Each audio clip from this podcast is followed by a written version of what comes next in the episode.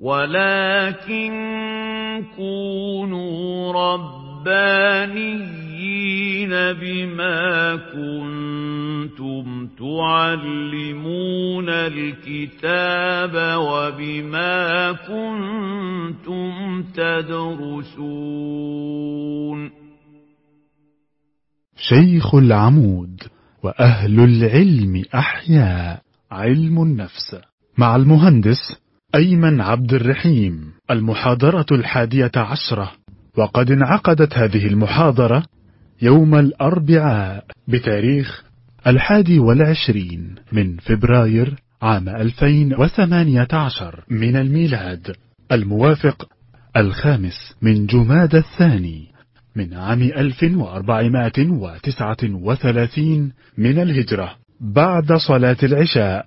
بمدرسة شيخ العمود بحي العباسية محافظة القاهرة. طيب بسم الله والصلاة والسلام على رسول الله. الحمد لله الذي علم القلم علم الإنسان ما لم يعلم. الصلاه والسلام على خير معلم الناس الخير محمد. وبعد. فهناك بعض النقاط المتبقية في بعض الاضطرابات وهو بخاصة اضطراب الشخصيه المضاده للمجتمع. كنا أرجعنا الكلام على علاجه. فدي نقاط إحنا هنغطي في شوية حاجات عايزين نقفلها وحاجات هنقولها بحكم إن دي المحاضرة الأخيرة يعني. فقلنا الشخصية المضادة للمجتمع هي من أصعب الشخصيات على الإطلاق في علاجها الشخصية المضادة للمجتمع في معظم الأحوال ما بتاخدش عقاقير إلا لو كان وصل الحاله من إن هي مضادة للمجتمع لدرجة إن في عدوان وعنف وغضب شديد لدرجة إن هو ممكن يؤذي الآخرين أو يؤذي الأشياء أو كده فبياخد ممكن يدوله مهدئات أو كده. معظم المحاولات في العلاج لتكوين حس ضميري عند شخصية مضادة للمجتمع ما بيفلحش. اللي بيفلح احتجاز لفترة طويلة جدا مع مراقبة شديدة جدا لأن الشخصية بتبقى فيها قدر كبير جدا من الخداع. فهو بتبقى شخصية ذكية وقادر على خداع الآخرين. فلو تعالج واحد لواحد كده فترة قصيرة فممكن يخادع المعالج نفسه. لدرجة المعالج يقول لك ما هو كويس وبتاع ويقول له قناعات يقول له لا أنا تمام تعمل يقول لك لا في حد عاقل يقدر يعمل الحاجات دي وبتاع ويعدي خلاص؟ طب ليه فترة طويلة يفضل مراقب بحيث في كل السياقات الإنسان ممكن يدعي شيء فترة؟ عشان كده دايما أحد أساتذتنا في العلاقات الزواج والارتباط كان يقول إيه؟ لا يقدم أحدكم على الارتباط بشخص يعني واحدة ترتبط بواحد ولا واحد يرتبط بواحدة إلا بعد ست شهور من التعارف فيقول لك ليه عشان تبقى ضامن اللي أنت شفته ده ده اللي حقيقي. لأن ممكن إنسان يبدو سوي أسبوع يقول لك والله كان كويس. طب أنتوا خطبتوا إمتى؟ من أسبوعين. ولبسوا خلاص هنكتب كده بعد شهر. شهر. لا ما أنت ما لحقتوش. وهو إيه؟ في ال... وهو ما شافهاش كده. يعني يقول لك والله أو إحنا رحنا لهم البيت والبنت ما شاء الله وجميلة ومهذبة وبي... طيب خطبته خطبته بعد قد إيه؟ 10 أيام. قلنا خير البر عاجله. وبعدين اتجنن يوم ما. ماشي ما هم كانوا بيتظاهروا إن هم اسواق لمدة 10 أيام. فيعني ما تاخدش القرار غير بعد ست شهور. لا صعب صعب. إلا لو هو في قدر ما مت... هو أو هي في قدر ما من التغفل ست شهور دي بيشوفوا بعض قد إيه؟ لا نسبه كبيرة. يعني اسبوعيا ولا يوميا ولا يعني قدر معقول يعني. مش ست شهور اللي هو برضه ست شهور أنا شفتها اول مرة الرؤية الشرعية بعد كتبنا قال لك انت حافظ مش فاهم. قال لك ثلاثة صعايدة بيهربوا من سجن قال لك إحنا السجن ليه ثلاث ابواب. فقال لك إحنا هنقتل الحارس اللي على الباب الأول ونفتح البوابة ونقتل الحارس اللي على البوابة الثانية ونهرب ونفتح البوابة وبعد كده نقتل الحارس على البوابة الثالثة ونفتح البوابة ونهرب. قتلوا الاولاني وفتح البوابة قتلوا الثاني وفتح البوابة الثالث له البوابه مفتوحة بس الحارس مش موجود. قال لك الخطة فشلت. هنقتل اللي بقى أنا فيقول لك ست شهور. ماما أمي وهي أختي الكبيره أم صالح دلوقتي بناتها هيتخرجوا السنة الجاية السنة الجاية من الجامعة. لما كانت أختي قد ندى أو أصغر منها بسنة. أختي كبيرة لما كانت خمس سنوات تقريبا. فماما كانت تقول لها في العيد. بتلقنها بعض المبادئ الحاجات التربوية البروتوكول اتيكيت فتقول لها في العيد الناس كلها تسلم عليكي وتقول لك كل سنة وأنت طيبة وممكن تديك عيديه فأي حد يقول لك خدي عيديه تروحي تاخديها على طول. لا. تقولي لي شكرا. ثلاث مرات. لا يقول لك. اتفضلي تقولي لي شكرا. اتفضلي شكرا. اتفضلي. فكانت أمي تقول لي إيه؟ تقول لي أنا قلت لها كده. فبي حد أول ما حد يديها تقول له إيه؟ شكرا شكرا شكرا. فاللي هو أنا حافظ الوصفة يا حاج. ماليش دعوة. هي قالوا ثلاثة ثلاثة دولة مش ثلاثة. ثلاثة خلاص. فلا مش ست ست شهور يعني عشان نضمن إن إيه؟ واحد واحد إن الشخص اللي أنا كشخص اللي هو إيه الانطباعات الأولى راحت. لأن أحيانا في حد بيبقى مبهر جدا للطلة الأولى. سواء بنت أو ولد. وبعد كده بعد التركيز يقول لك آه بس ده طلع زربون. يعني وبعد كده لغاية ما إيه؟ خلاص ده واحد. حاجة تانية الشيء بالشيء يذكر. يعني برضو ضميري يمنعني إن أنا ما أفوتها. آه، في حاجة هنا من ال- الخرافات بس طبعا مش هنذكرها. إحنا هنذكر شوية خرافات آه، ما قلناش المرة اللي حاجة من الخرافات صح؟ آه، في قدر ما الإلف البصري بيمنع الإنسان من من التدقيق النفسي والشعوري بمعنى لو واحد مثلا وواحدة زميلته في الشغل لو قعدوا شغالين مع بعض سنة سنة خلاص. في الغالب تكثر جدا الزيجات تكثر جدا الزيجات بعد الاجتماع المكاني لفترة طويلة. الاجتماع المكاني اللي هم إيه اشتغلوا مع بعض شوفوا بعض بشكل خلاص. فالناس دايما يقول لك إيه إيه السبب؟ يقول لك لأنه كان في فرصة إنه يعرفها وتعرفوا ويشوفوا بعض في مواقف مختلفة فإيه؟ قيموا بعض تقييم طويل المدى. فالعبارة جزء منها صحيح الجزء الأكبر مخاتلة. يعني هي في قدر ما من عدم ال- الناس مش مش فاهمة هو ده بيحصل إزاي. الإنسان الإنسان في شوية حاجات لو عملهم لو عملهم آه، جزء من حواسه آه، ال- النقدية بتقل. فمثلا آه، الوا- الواحد لو قالوا له أوصف أمك أو إخواتك. حلو ولا مش حلو؟ وسيم ولا مش وسيم؟ وتقل المرأة بس الجمال دايما على ألسنة الناس جميلة ولا مش جميلة. آه ما يعرفش يوصف بدقة. ليه؟ بسبب الإلف. خلاص؟ فأحيانا الناس بيتجوزوا بسبب الإلف. مش إن هم عرفوا بعض أحسن ولا بتاع مش عارف إيه. الاعتياد المكاني خطير خطير جدا. فدايما العكس بقى. لو واحد يقول لك إيه طب إحنا نعرف بعض أكتر من ست شهور. برضه خلي حد مراقب خارجي يديك أساس نقدي. عشان كده دايما إيه؟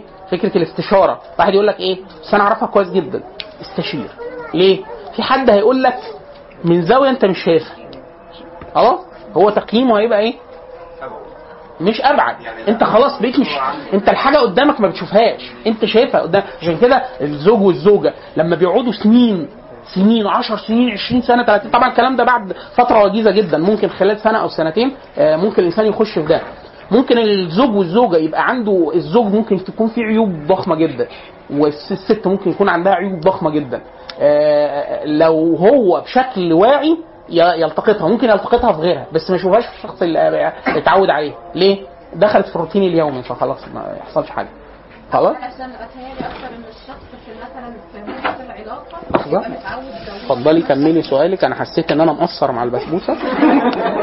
لو شخص متلاعب مثلا زي النرجسي لو هو متعود إن هو متلاعب منين لما هيتعامل معاها هيتعامل بتلاعب. يعني ال- النرجسي وال نرجسي. والهستيري مم. الاثنين يحذروا منهم أكتر حاجة في العلاقات لأن هو متلاعب جدا في العلاقات. هو المشكلة إن هو كمان إن هو كمان مش متلاعب بس. ده هو هو بي يعني شخصية مبهرة لأنه بيعتني جدا بالاعتناء الجسماني. لو بنت؟ ال- ال- النرجسي في الرجالة والهستيري البنات أكتر بيظهر. هما الاثنين هي بس النسبة أكتر النرجسي نسبته أكتر في الرجالة وال- والهستيري نسبته. أكتر. والهستيري بيعتمد على ال- الجاذبية والإغواء والمش عارف إيه. والإغواء الجسدي وال- واللبس والشكل. فورمة الساحل. ممكن يكون هي اتعاملت معاه كزوج أو هو اتعامل معاها ك- كزوجة أو كحبيبة. ما شافتوش في مواقف ثانية يعني ما ضربتش تعرض للتهديد مثلا. طب ما يتعرض للتهديد ده بقى النص النرجسي ما شافش ما شافتش سلوكه مع الجنس الآخر ما شافتش سلوكه أنا مش عارف القصة دي قلتها ولا لأ. حد روائي كان مشهور جدا بيكتب قصص عاطفية وبتاع والنساء بالجملة بالجملة يعني ممكن نستثنى لكن بالجملة. آه الانفعال العاطفي عندهم أزيد من الرجالة. ها؟ فالشعراء والمطربين وبتاع اللي بيدندن حوالين معاني الحب والإلف وبتاع فالناس إيه؟ تبقى حاسة إن دي شخصيته. رغم إن دي مش لازم تكون شخصيته خالص. هو إنسان محترف كتابة أو ممثل أو مش عارف.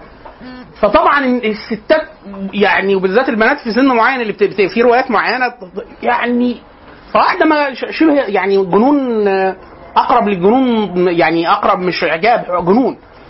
فمرات مراته أشفقت بحال البنت. قالت لها بصي أنا هسيبك تقعدي يعني هديكي فرصة إن تقعدي معاه كذا يوم في البيت. قلت لها إزاي؟ قلت لها انت تمثلي إن انت شغالة جديدة. ترضي؟ قالت لها آه ارضى ارضى آه بحيث كل يوم تشوفيه وتقعدي معاه وانت اللي تقدمي له الأكل وبتاع. قلت لها مش ممكن ده انت ست يعني عظيمة وبتاع. طبعا هي بعد أول 10 دقائق جالها انهيار عصبي وسابت البيت. ليه؟ هي ما تعرفوش شكله إيه في البيت. ده بيصحى بقى بيصحى. لا هو روائي هو ما فيهوش أي لا هو متصورة إيه؟ هيصحى الصبح في عصافير هتطلق في البيت وبتاع وبرود وحاجات زي كده. وستاير بتاع ما تعرفش بتهفف إزاي بس هتهفف. فهو صحي صوته جايب آخر الحفا وقايم. فين الاكل هات السيجاره عايز فنجان قهوه لا مين ال مين أنا كنت اللي ظهر في البيت ده. خلاص ولا هو لا مش مش لازم يكون مين كاظم ساير قريب؟ أنا ما قعدت أتلصص لغاية ما فهمت إيه الموضوع وبتاع. مراته أول مرة زعلها باكي مطلقها قال أنا أنا ما استحقك يدخل تعالى لا تستحقني لا عليا النعمه ما استحق دي كان أمه لما مجوزة له غصب ولما اتشهر سابها حاجة كده. الراجل دلوقتي تلاقيه 60 سنة يعني فخلاص. والله؟ نظريتي. برضه طيب. فالشخصية الشخصية إحنا قلنا الشخصية المضادة للمجتمع. شخصية صعبة جدا في العلاج عايزة استبقاء فترة طويلة جدا عشان آه، تراقب آه، عشان تتشاف في- في سياقات آه، مختلفة. لحظة بس أعمله صامت عشان إيه؟ ما أحسش بتأنيب ضمير. كده مش مفيش تأنيب ضمير. ها؟ طيب. خلينا نستعرض بعض من بعض من الخرافات ال- الخرافات النفسية ال- الشائعة. واحد يكثر جدا على ألسنة آه، آه، مدربي التنمية البشرية و آه، أدبيات ال self help و وال NLP والعلاج بالطاقة واليوجا والتامل حاجات كتيرة جدا إن إحنا يا اخوانا أطلق آه، اسمها إيه ده؟ قدراتك ال- الخفية. طيب هطلقها إزاي؟ حضرتك بتستعمل كام في المية من قدرات دماغك؟ 10 في المية. فدايما الكلام على إيه؟ لحظة بس أنا عايز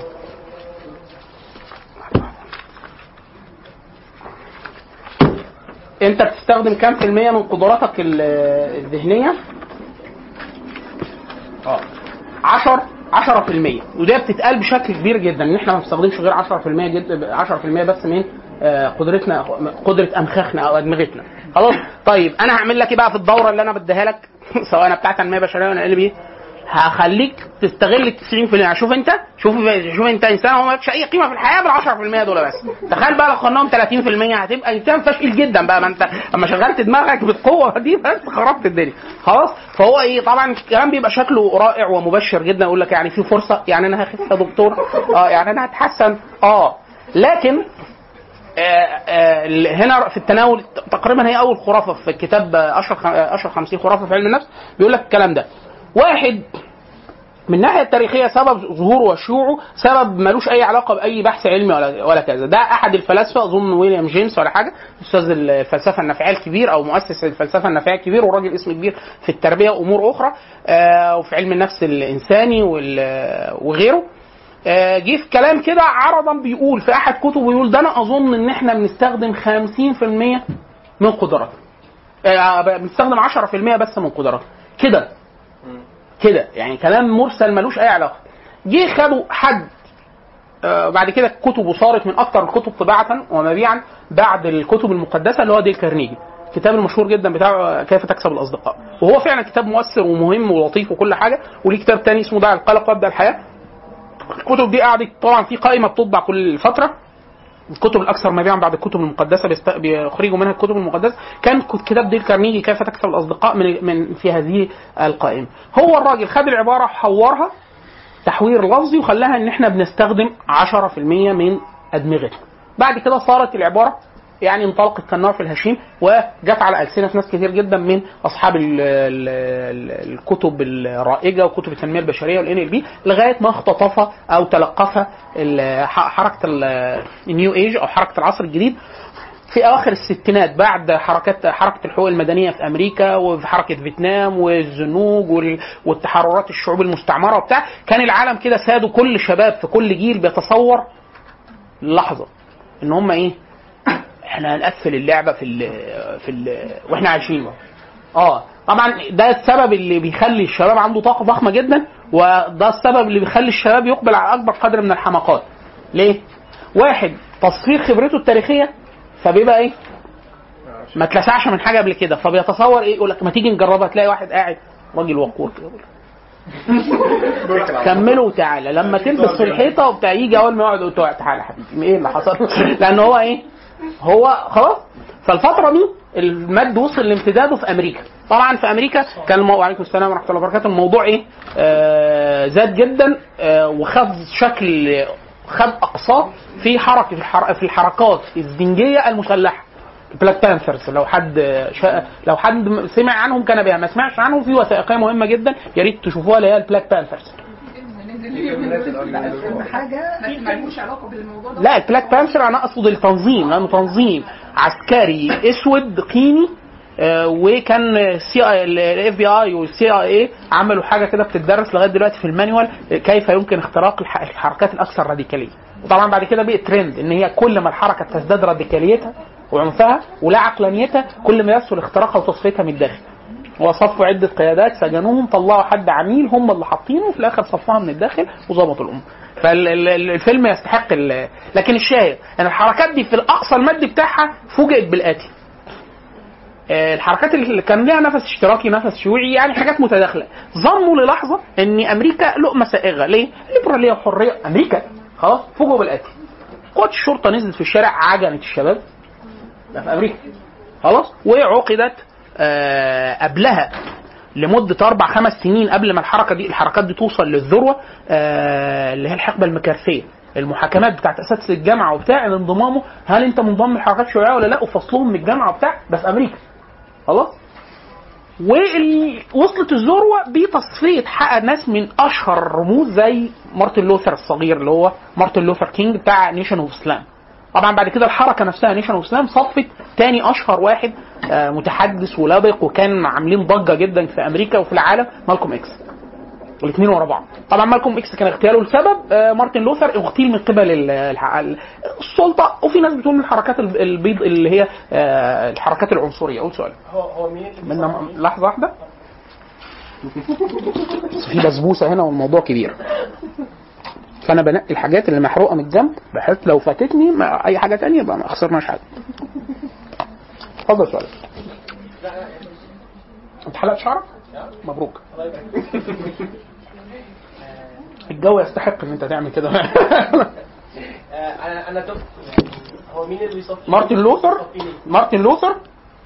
مالكوم إكس. كانوا بينتموا لتنظيم آه، من الزنوج اسمه Nation of Islam. ده ملوش علاقة بال Black Panther لا ال Black Panther كانت من من الحركات ال- ال- الحركات المناهضة للسلطة في العموم اللي ظهرت في أمريكا في الوقت ده سود ومسلحين. لكن Nation of Islam ما كانتش مسلحة. لا كان فيها قدر من التسليح بس هم كانوا بخطابهم. الأيديولوجي والفكري كان أقوى بكتير من ال Black Panther. طيب حلو قوي بعدين بقى مين؟ فالسلطة صفت. السلطة بدأت تتعامل مع كل واحد على حسب. فمثلا Nation of Islam هم قالوا على نفسهم مسلمين. وبس في نبي بعد محمد صلى الله عليه وسلم اسمه إليجا محمد. فده نبي. وإن مفهوم الإله الأبيض اللي هو صوره المسيح اللي موجودة عند الأوروبيين وبتاع آه، دي أصلا صوره عنصرية. الإله نفسه أصلا مش أبيض. هو تصور المسيحية تصور مجسد للإله حاشاه. فبيتصور إن الإله يتجسد في صورة إنسان. فقال له حتى الإنسان اللي أنت بتظنه إله ده أصلا كان ملون. اللي هو ضد أبيض. يعني أنا مش بقول لك ما تحتقرنيش عشان أنا أسود المفروض الأسود والأبيض زي بعض. لا. قال له إيه؟ أي حاجة. ده الأسود. أسود هو الأحسن وهو القيمة الأسمى. وأنت كأبيض أنت رمز لكل الشرور. والإله نفسه اللي أنت بت- بتنسبه ليك ده جزء من العنصرية بتاعتك. لأنه الإنسان ال- الإله, الإله نفسه ابن الإله ده اللي هو عيسى. آه، في نظر المسيحيين على اختلاف ملالهم إله إله ولا أقنوم ولا ابن إله ولا هو الإله نفسه آه، هو أصلا من فلسطين وفلسطين دول أصلا ملونين مش ممكن يكونوا أوروبيين ومش ممكن مش ممكن يكونوا بيض. وخد بقى خطاب زي كده كت- كتير. دي Nation of Islam وفي نبي اسمه إليجا محمد اللي هو انضم لها مارتن لو آه، كان فيها مارتن آه، كان فيها مالكوم إكس آه، وكان فيها آه، محمد علي كلاي في الأول وبتاع. مارتن لو آه، مالكوم إكس لما حج رجع عرف إن هم خم كلها عرف إن اللي هم عليه ده شرك أصلا إن ده مش الإسلام. وده نفسه كفر. والخطاب ده خطاب ايديولوجي برضه وعنصري فأسلم اسلام صحيح فقتل. قتلته الحركة. لأنه هو قال آه ده مالكوم إكس. مارتن لوثر ده راجل مسيحي بس متحدث لقب لبق جدا وبتاع وينتمي للحركه الحركات الحركه حركة الحقوق المدنية للزنوج وبتاع. تم اغتياله من قبل حركات بيض عنصرية ضد ال- ال niggers ال Black Panther صفتها بس صفوها بإيه؟ بحرفيه يعني اخترقوها من الداخل لغاية ما خلوا واحد قيادة وعملوا عمليات اغتالهم القانون وبعد كده صفوها من الداخل. Black Panthers فيها فيها وثائقي هي اللي بنحيل عليها بنقول الو- الوثائقي ممتاز جدا. آه آه ما هو الوثائقي مستضيف كل الأشخاص الكبيرة بما فيها الرموز بما فيها ال FBI نفسهم عملوا كده إزاي الجماعات ممكن نفس اسمها أمة محمد. لا مش أمة محمد. Nation of Islam أمة الإسلام. بتاعت إليجا محمد. خلاص؟ الشاهد نرجع تاني. فال كنا ب... ال... إيه اللي جرينا ال... إيه اللي جرينا؟ أنا لسه جاي. كنا بنتكلم على 10% إيه اللي حد لو حد آه شوفي مركزة والله العظيم. في الستينات بص الستينات جابتنا فين؟ كنا هنتمسك كلنا دلوقتي. ساعتها في هذه لما الشباب في على كافة أطيافهم تصوروا إن في أمل وبتاع مش عارف إيه وبعد كده هو السلطة ضربتهم بعنف جدا فبدأت تظهر إيه؟ زي كل موجات شباب. أول ما بيحصل ضربة جامدة جدا فهو كشاب نفسيته ما بتتحملش ده. فبتظهر الحركات الرومانتيكية. حتى ده في أوروبا ظهر بقى قبل كده وبتاع. حركات إيه- رومانتيكية مش مش مش معناها يعني لا تصوراتها رومانتيكية. ده تصور فلسفي. يعني العودة للطبيعة العودة للحياة البعد عن أي ممارسة سياسية مش عارف إيه حاجات زي كده. في الوقت ده تم تأسيس معهد اسمه معهد اسلم معهد اسلم في أمريكا خد شوية آه، طبعا ردة الفعل اللي موجودة في الشباب بتاع الجيل ده مع كثير جدا من المقولات بتاعت الفلسفات الشرقية القديمة والبوذية والكونفي الكونفوشية وعبادات آه، وفلسفات آه، شرقية وآسيوية قديمة وراح ضاممها على هيئة تطبيقات علاجية وتأملية وإيه؟ تم إطلاقها في العالم. الح- حركه النيو إيج أو حركه العصر الجديد تلقفت هذه المقولة من باب إن إحنا إيه؟ أنت بالتأمل والتماهي مع الطاقة الكبرى بتاعت الكون اللي هي الإله وبتاع أنت إيه؟ أنت بس 10% هم اللي شغالين، أنت ممكن تطلق انت ممكن تتحول لإله نفسك.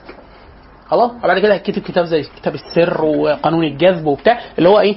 لا ده أنت مش مش هتع... مش هتنجز ومش هتنجح ده بتاع التنمية البشرية لا انت هت... انت هت... هتشاء الشيء هيكون بس انت إيه؟ تقرص بس اقرص نظف السلك انتنا اقفل الراوتر شغله تاني هتلاقي نفسك إيه لقطت مع الكون أنت والطاقة واحد تتحول لاله إن شاء الله. خلاص؟ إيه؟ لا ده هو كانت أثر ردة فعل مضادة للغلو في التغيير للغلو في الإيه؟ في الجوانية. لا خلاص ما إحنا الظابط ضربنا. نفخوا. المظاهرات الج- تشوف هتشوفي في الفيديوهات بتاعت ال Black Panther بتاع القوات الامريكيه الامن عملي في الشباب؟ برضه حركة. Black Panther تكون حركة مسلحة ده بقى قرار حكيمي ده انت عشان شاب مصري. الدستور يا حبيبي ده هم ساعتها كان الخطاب بتاعهم كان مقنع جدا وكان معاهم وقف معاهم ممثلين زي مارلون براندو اللي كان بيقف مع ال niggers والهنود الحمر وبتاع مش عارف إيه. الدستور في أمريكا بيكفل رفع حمل السلاح وتكوين ميليشيات مسلحة. فبيقول له إيه؟ بيقول له انت شايل سلاح ليه؟ بيقول له ده القانون والدستور اللي بيحكمك وبيحكمني ولا عشان أنا اسود؟ خلاص؟ فكان خطابها خطاب مقنع جدا وبيقول له ده بالدستور أنتوا ده الدولة. طبعا ديباجات ماركسية مع ديباجات nigger مع ديباجات ديباجات ان إحنا الشباب بهذا العصر هو شعوب العالم كلها بتتحرر وبتاع. كان يعني إيه؟ يعني حاجة آه حاجة بقى يعني إيه خطاب عالمي. Black Panthers لما يعني تم التضييق عليهم في الخارج سافروا بره وراحوا المغرب وبتاع يعني إيه الفترة دي العالم كله شباب العالم كله في الوقت ده كان إيه بيحس إن هو العالم كله بيتغير. هو ما حصلش واكتشفوا بعد كده إن هو إيه إن الموضوع اتلم وبتاع. وبرضه إيه اللي اللي يعني اللي اللي معاه النفوذ سواء الشركات أو الدول بتاع عرفت تمتص ده كله وتعرف وعرفت تسربه برضه ده كله. خلاص؟ في إحنا كنا حلنا على الوثائقية بتاعت Century of the Self في Century of the People برضه وثائقية من أربع أجزاء أو أكتر. لو حد شاف Century of the Self the People و Black Panther والحاجات دي هتحس إن إيه؟ هيفهم اللقطة إيه اللي حصل في الفترة دي. شاهد. ده الخرافة الخرافة الأولى فكرة. طيب الرد على الخرافة دي من ناحية ده من ناحية التاريخ. هي ظهرت إزاي؟ من الناحيه الوظيفية. الأطباء. حاليا في مسح دماغي بيحصل. خلاص؟ بيشوفوا لو انت بتتكلم انهي حاجات بتشتغل وبتاع. المخ بيشتغل بطاقته كلها. خلاص؟ والمعكوس لما بيحصل اي امراض أو تلف ولو بسيط جدا لأي خلايا خلايا دماغية في ناس بتخش في كوما مثلا 20 سنة و15 سنة وبعد كده يموت. وظائف مهولة جدا بتبوظ. لما حد بيتخبط خبطة ولو بسيطة جدا فبتأثر على أي حاجة من الخلايا العصبية. هوب بتلاقي الكلام وقف والحركة والتآزر يعني دمار مجرد حاجة إيه؟ بسيطة جدا. فبيقول لك الكلام من الناحيه العصبية من ناحية النيورولوجي ومن ناحية من ناحية التشريح مش صحيح. ومن ناحية المسح الدماغي بالكمبيوتر والأشعة مش صحيح. ومن ناحية ال- الدليل العلمي أدي أصل المقولة إن هي كانت لا مبنية على بحث ولا أي حاجة. بس هي إيه؟ كان في آه، أظن كارل كارل آه، واحد اسمه كارل سجان متهيألي. آه، بتاع ال بتاع ال أيوه بتاع. كان يقول الأشياء التي تبدو أكثر روعة من أن تكون حقيقية فهي كذلك؟ يعني هي إيه؟ غير حقيقية. يعني يقول لك إيه؟ يعني إحنا إحنا نوصل المريخ. ونعمل هنعمل سوق خضار في المريخ. على النعمه أنت بتبشر ومش هيحصل حاجة. لأن إحنا مش عارفين نعمل سوق الخضار هنا. عشان أنت تعمله في المريخ. وإحنا أم الكوكب اللي صالح للمعيش ده. إحنا خربناه هنروح لكوكب غير صالح وإحنا نظبطه طب أنت مصدق نفسك؟ يعني إحنا مش عارفين نظبط المجاري يا فندم هنا. هنروح لكوكب ما فيهوش مية خالص. لحظة. طيب ده ده ده ده خرافة. الخرافة الخرافة الثانية فكرة مثلا في ترند قاعد ظهر في أمريكا وبعد كده لحق بالعالم كله فكرة تصور إن مثلا التوحد في ازدياد شديد جدا وأعداده بقت مهي... إحنا في وباء هياكل الأطفال. خلاص؟ فبدأ الكلام ده إيه؟ يثير آه، اهتمام الناس في أمريكا وبدأت إيه؟ آه، يحصل مهاجمات حتى للسياسات وللحكومات وغيره وبتاع لدرجة إن كثير جدا من المرشحين لانتخابات الرئاسة كان من الحاجات اللي بيدغدغوا بيها آه، مشاعر الجماهير يقول لك إيه يعني مثلا إحنا برنامجنا لازم يشوفوا أطفالنا بيحصل فيها إيه ده أنتوا شايفين نسبة بتاع. خلاص الاعلام تلقفها. آه، فبقي في حالة عامة كده في المجال العام في أمريكا إن التوحد فيه ازدياد مهول جدا. طب ادينا أرقام. زمان كان مثلا بيقولوا إن نسبة التوحد من كل مثلا 25000 طفل أو 250000 طفل طفل. آه، الإحصاءات بعد ما لما بقت موجة قال لك ده تقريبا كل 250 أو 150 طفل فيهم طفل متوحد خلاص؟ فقال لك الأرقام لا ده بقت بشعة جدا وبتاع. وفي ناس بدأت إيه؟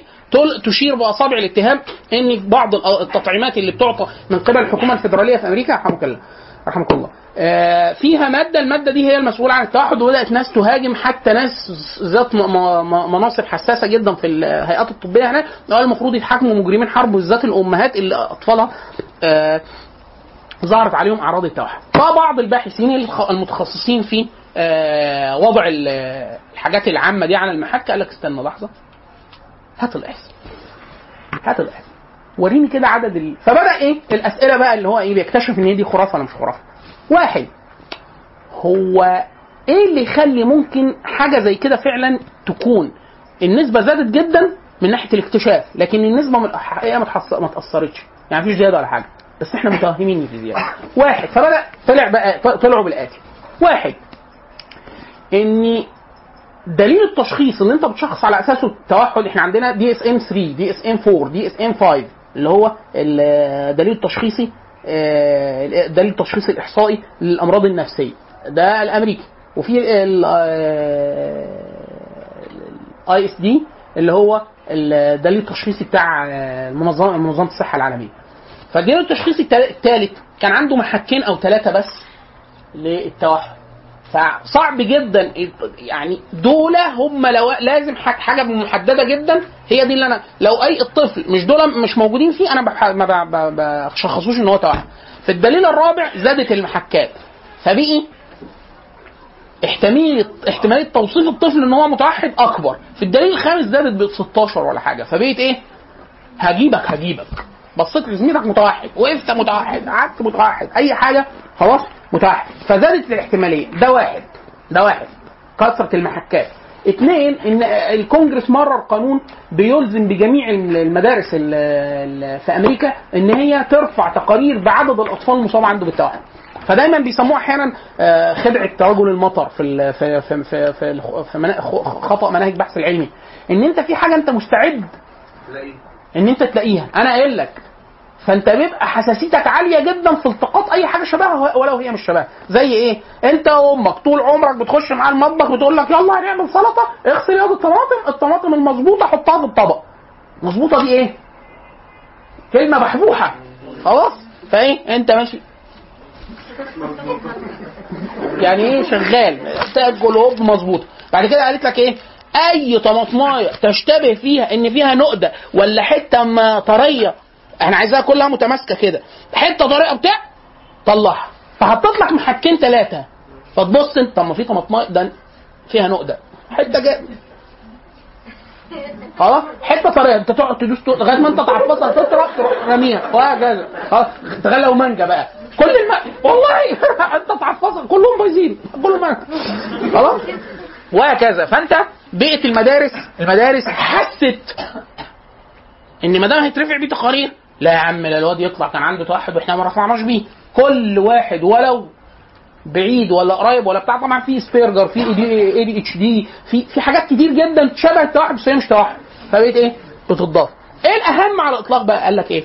لحظة بقى هو ده مش بيزيد آه طب إحنا عندنا نسبة بتقول إن نسبة كل الإصابات الذهنية والعقليه وبتاع في الأطفال من 1 ل 3% بس في المجتمع خلاص 85% منهم آه حاجات بسيطة الباقي الخطر مش عارف نسب قليلة جدا اللي هو خطير جدا وبيبقى عايز رعاية شاملة مش عارف إيه وانت بتقول لي هات لي السنين اللي بتزعم فيها إن التوحد بدأ يزيد جامد جدا وشوف لي الإصابات الثانية ففوجئ إيه؟ إصابات التخلف العقلي البسيط قلت جدا عددها نسبها قاعدة ماشية average كويس جدا plus or minus يعني خلاص إحنا مظبوطين كده بعد كده بقى السنين اللي التوحد بدأ الناس تقول إن هو زاد جدا بدأت إيه؟ تقل جدا. سبرجر بدأ يقل جدا. آه، مشاكل النطق والكلام قلت جدا. يبقى هم دول بيروحوا فين؟ انت بدل ما كنت بتوصفه تخلف عقلي بسيط أو سبرجر أو دي اتش أو اي دي اتش دي أو مش عارف إيه بدأت تضيفه انت إيه؟ تبرعت ضفته خلاص؟ فبدأ الراجل يحط محكات قال لك خد بقى الكمالة. قال لك في بعض الولايات خافت من الضغط الإعلامي. ودايما يقول لك إيه؟ الاعلام يخوف جدا. والغضب الجماهيري يخوف جدا. ولما الجماهير تكون ستات لا يخوف قوي الفقهاء نفسهم كانوا بيخافوا.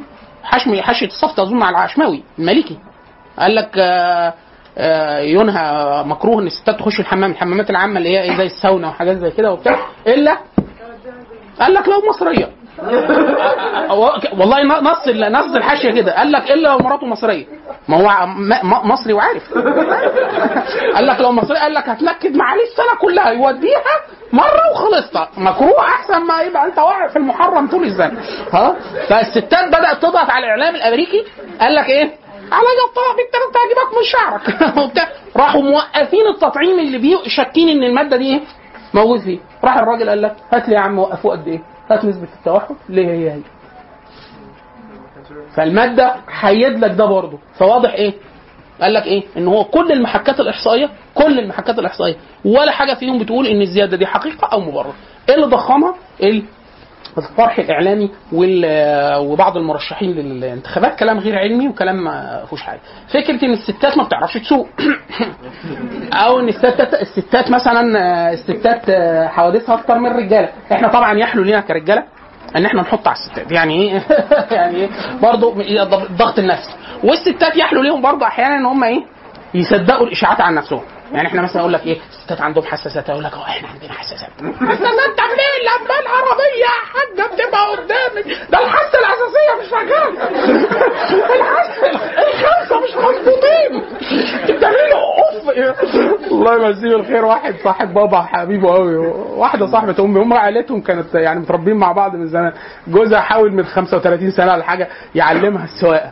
جت فترة كده هوجة ال- الست ال- القوية بس بتاعت عصرهم كانت أحلامها أبسط من دلوقتي كتير وبتاع تعلمني السواقة. وهو راجل دكتور جامعة وبتاع الله حاضر.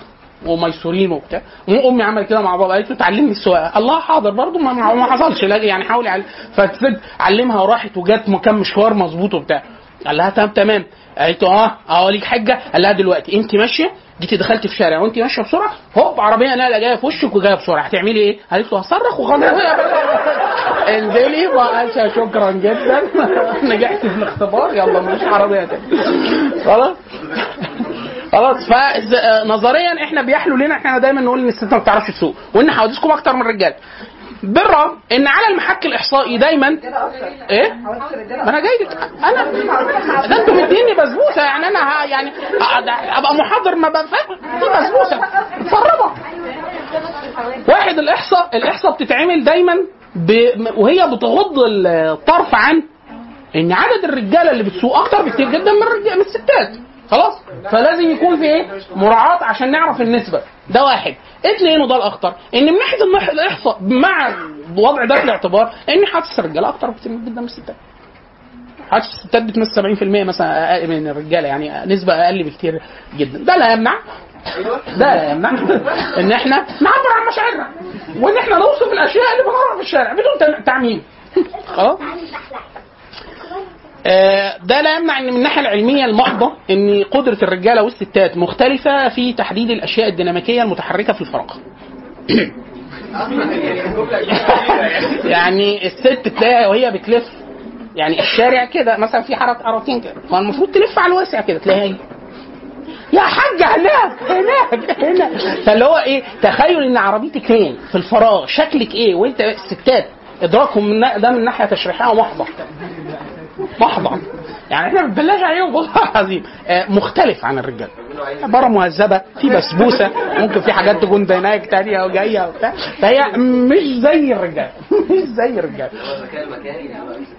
شوف هتغلط. اختار مؤمن اختار اختار ألفاظك. تقول ذكاء. ده ما خدتش قول بقى. أنت تولع هتولع. قول أنت براحتك. خلاص. فبرضه ده الراجل موردها من الخرافات الأكثر شيوعا من الخرافات اللي في علم النفس الش- الشعبي إيه؟ ما بيسوقوش نقل مين قال لك؟ مين قال لك؟ مين قال لك؟ لا يعني في أوروبا وفي في, في, في آسيا وفي في أمريكا بيسوقوا. لا هي حتى بالنسبة يا مولانا ما هو لو عملنا النسبة هي مش مشكلة في كده مشكلة عقد هو لا أنا أقول لك بس سيبك من الهزار سيبك سيبك من الهزار. هنا في مصر ليه الم- الموضوع كارثي؟ كارثي. إن الرجاله والستات أدائهم كارثي في السواقة. ليه؟ واحد الناس اللي بتاخد عدد كافي من الساعات الاحترافية في السواقة قليل جدا. يعني ان مدرب محترف في مكان لفترة طويلة قليل جدا. خلاص ده واحد ده واحد. اتنين اني هنا بحكم الثقافة العامة الناس كلها بتسوق غلط. فجزء كبير جدا من اللي بيتعمل في. في الشارع إن الناس بتضغط على اعصاب الستات يعني هو عارف لو خوفها هتخاف لو هو خبطها هيقولوا هي اللي غلطانة. مش وهكذا. يعني في شوية حزمه حاجات. ما في في ناس بتطلع على الرخص وهي في البيت. في واحد يقول لك إيه أنا أنا اتعلمت بسرعة جدا ساعة وتعلمت سواقة. انت قصدك حركت العربية؟ آه إحنا لو جبنا عيل عنده تخلف عقلي بسيط لمدة ربع ساعة هيعرف يحركها. إحنا المهم تركنيها تشوف العربيات التانية. آه القواعد القواعد اللي هي الناس بتقعد فيها. يعني من أصعب الدول اللي كل ما الدول بيبقى نظام أكثر صرامة عندها يعني اليابان. اليابان من الصعب جدا إن حد ياخد فيها رخصه قياده إيه؟ آه صعب جدا. ليه؟ اختبار قاسي جدا ودقيق جدا. طبعا إحنا بنشوفه ده في الشوارع هنا بقى. رجالة وستات. بس طبعا في الستات بيبقى يعني ملاحظ فكرة إن عرب... مقاسات العربيات كلها في التصنيع آه معمولة على الافرج بتاع طول الرجالة. فالستات كلها بتبقى ماسكه آه فكرة القوى البدنية. الرجالة آه، لو حد بي في الشباب بيسوق وبتاع أي راجل متوسط القوة ما عندوش هشاشة عظام بتاع بيقدر يسوق العربية بإيد واحدة. فطبعا ده في فرق من الستات تحسها إيه؟ اللي هي نظرية مخرطه الملوخية. محمد عند محمد طنطاوي ابني سيبي مخرطه الملوخية يا حاجة اللي هو إيه؟ بتلف. يا حاجة كده كده كده وبتروحي كده تلاقي إيه؟ لو عربية لا ده وسايقها ست. خلاص الشارع وقف ثلاث ساعات. لأن أنت لو راجل قوي والبايسبس بتاعك بتشيل مثلا 80 بنش مش هتعمل لا ده يعني هي ست بتبقى ساعة راكبة فوق البتاع عشان تخش يمين أو شمال. طبعا لو عربية power الستات أنا سألت مراتي قلت لو العربية power بإيد واحدة قالت لي لا ما هو ده صعبة. فهو ده أوه. لا ما خلاص بقى كل واحد وحلو حد بيلعب باي الباي بتاعته كويسة ماشي خلاص. لكن الشاهد في إيه؟ إن ده طبعا كل ده داخل أنا يعني كل ده داخل من العوامل الاستقرائية اللي بيخلي ادائكم مبهر. طيب آه، كان في حد رافع إيده؟ هنا الرجاله ده على أساس إن في قوانين. فعلا لا هو بص عشان بس برضه ما تبقاش يعني إيه ما تاخ- ما تاخدكيش الجلالة القانونية قوي الستات ما بيعرفوش قواعد المرور أصلا عشان يلتزموا بيها. يعني لا. لا ده لا ما شفتيش انت طب أنا عندي عندي عندي مشروع بحث جميل جدا. أنا دي جربتها هي حيلة للأسف. أنا بعملها وأنا يعني وأنا وأنا أنا عارف إن هي حيلة بس بعملها لم تفشل قط. لو قلت إن أنا بعملها ليا 15 سنة. كل مركب مع سواق تاكسي. أنا يعني من زمان قبل حتى الدراسة النفسية كنت بستمتع جدا بتوقع رد أفعال الناس. فأعمل حاجات وأشوف الشخص هي... هي... هيعمل اللي أنا متوقعه ولا لا. بحكم حاجات كتير كنت بعملها. لعب الكورة. أنت لازم تشوف خلاص لعب الشطرنج حاجات زي كده. فأركب مع السواق. أنا أنا هبدأ حوار وأنا عارف الحوار رايح فين. يعني أنا اللي ماشيه فهزر معاه شوية الأول كده نبقى إحنا إيه؟ إدى وخد معايا زمان كنت بدخن فكنت ممكن أعزم عليه بسجاره بتاع مش عارف إيه خدنا خلاص في الكلام. وبعد كده أقول له إيه؟ هقول له آه دي شكلها سواقة حريم دي. والله بطه هو اللي نزله. يبدأ إيه؟ يبدأ يتماشى معايا. وبعد كده أقول له إيه؟ بس إيه؟ هم كلهم ما بيعرفوش يسوقوا بس اللي بيعرف فيهم يسوق من أول ما أقول يقول لي يا لهوي ده أنا في واحدة وشدت معايا ويقول قصه القصة دي يكاد تكون منطبقة مع كل الناس في جميع المحافظات. واحدة شدت معايا وعملت غرز وبتاع مش عارف إيه. طبعا أنا مؤمن تماما. لغاية دلوقتي إن 80% 90% من الرواية مختلقة. لا مختلقة. هو في ستات بتعرف تسوق يقينا. آه. يعني ده قاعدة. في. وبتعرف تسوق بشكل احترافي؟ آه. لأن لو أي حد شاف سباقات احترافية فيها ستات. يعني وفي أصلا بتوع ألعاب حركات صعوبات في السينما وبتاع بيبقوا ستات. لما يكونوا عايزين دوبلير بيسوق مكان ست. فده معروف. زي الألعاب القتالية ما في ستات مستوى عالي زي ما رفع الأثقال فيه ستات. أنا أنا شفت ناس بتلعب ألعاب قتالية تقوم اللهم صعب 20 راجل بس هي مش ست يعني خلاص وهكذا. لكن الشاهد إن هو إيه؟ آه، الناس بيحلو ليهم إن هو في حاجة معينة يثبتها بالرغم إن هي ملهاش ملهاش أصل. لكن هي الالتزام بالقانون وبتاع يعني صلى على النبي. طيب. آه، فكرة إن ده ترند بقى من فترة طويلة جدا. يا اخوانا إحنا عايزين وإحنا بنعلم ولادنا المدرس والمدرسة تراعي نمط التعلم بتكون بتاع كل طفل. وده هيكون أنفع جدا. يعني لو الولد بصري يبقى بصري لو الولد سمعي يبقى سمعي لو الولد حسي يبقى حسي. واحد من الناحيه التربويه ومن الناحيه النفسيه دي أسطورة. ليه؟ لأنه واحد اخت... معرفة نمط التعلم بتاع الناس من الناحية العلمية من ناحية علم النفس وعلم النفس التربوي والاختبارات بتاع من أصعب ما يكون. واحد الاخ- الاختر... الاخت... الاختلاف الشديد جدا في ما هو نمط التعلم.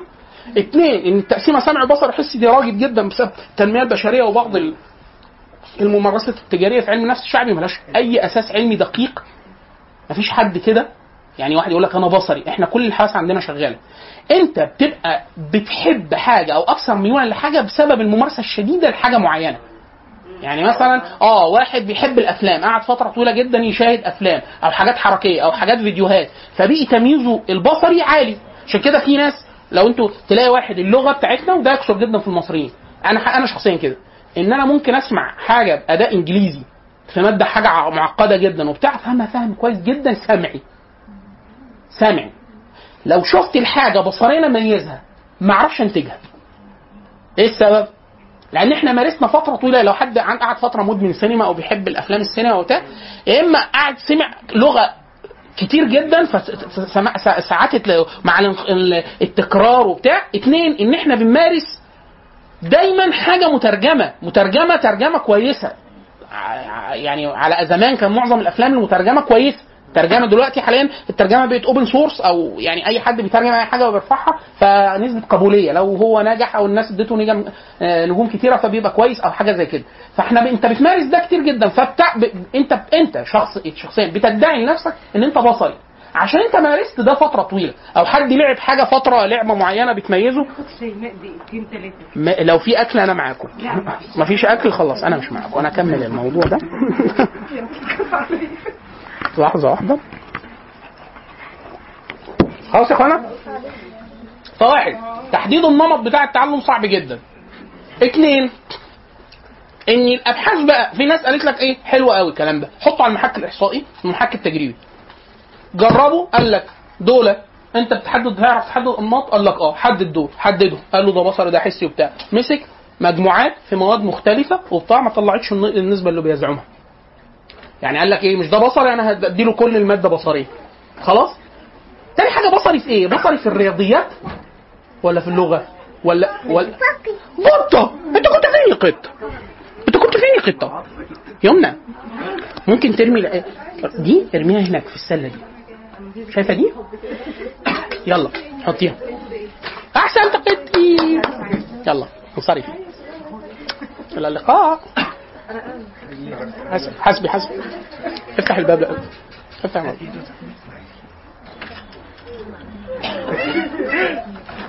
خلاص كده؟ في التسجيل قول في التسجيل مين دي؟ آه. آه دي يمنى بنتي. أنا مؤاخذة. خلاص كده؟ ف آه انت كنت بتحتاري في التسجيلات ما بتبقاش عارفة. عارفة بس اللي مش عارفة. ما في واحد كلمني من الكويت قال لي ما شاء الله عامل إيه ابنك كريم فقلت له ما عنديش ابن اسمه كريم. قال لي انت مرة كنت بتقول في التسجيل ابنك كريم. فقلت له لا أنا أبنائي. هادي يا محمد ابني محمود ابني. قلت له لا ده عيال ده عيال كبار ناضجين مش أبنائي حقيقيا ده أنا مت- متبنيهم روحيا.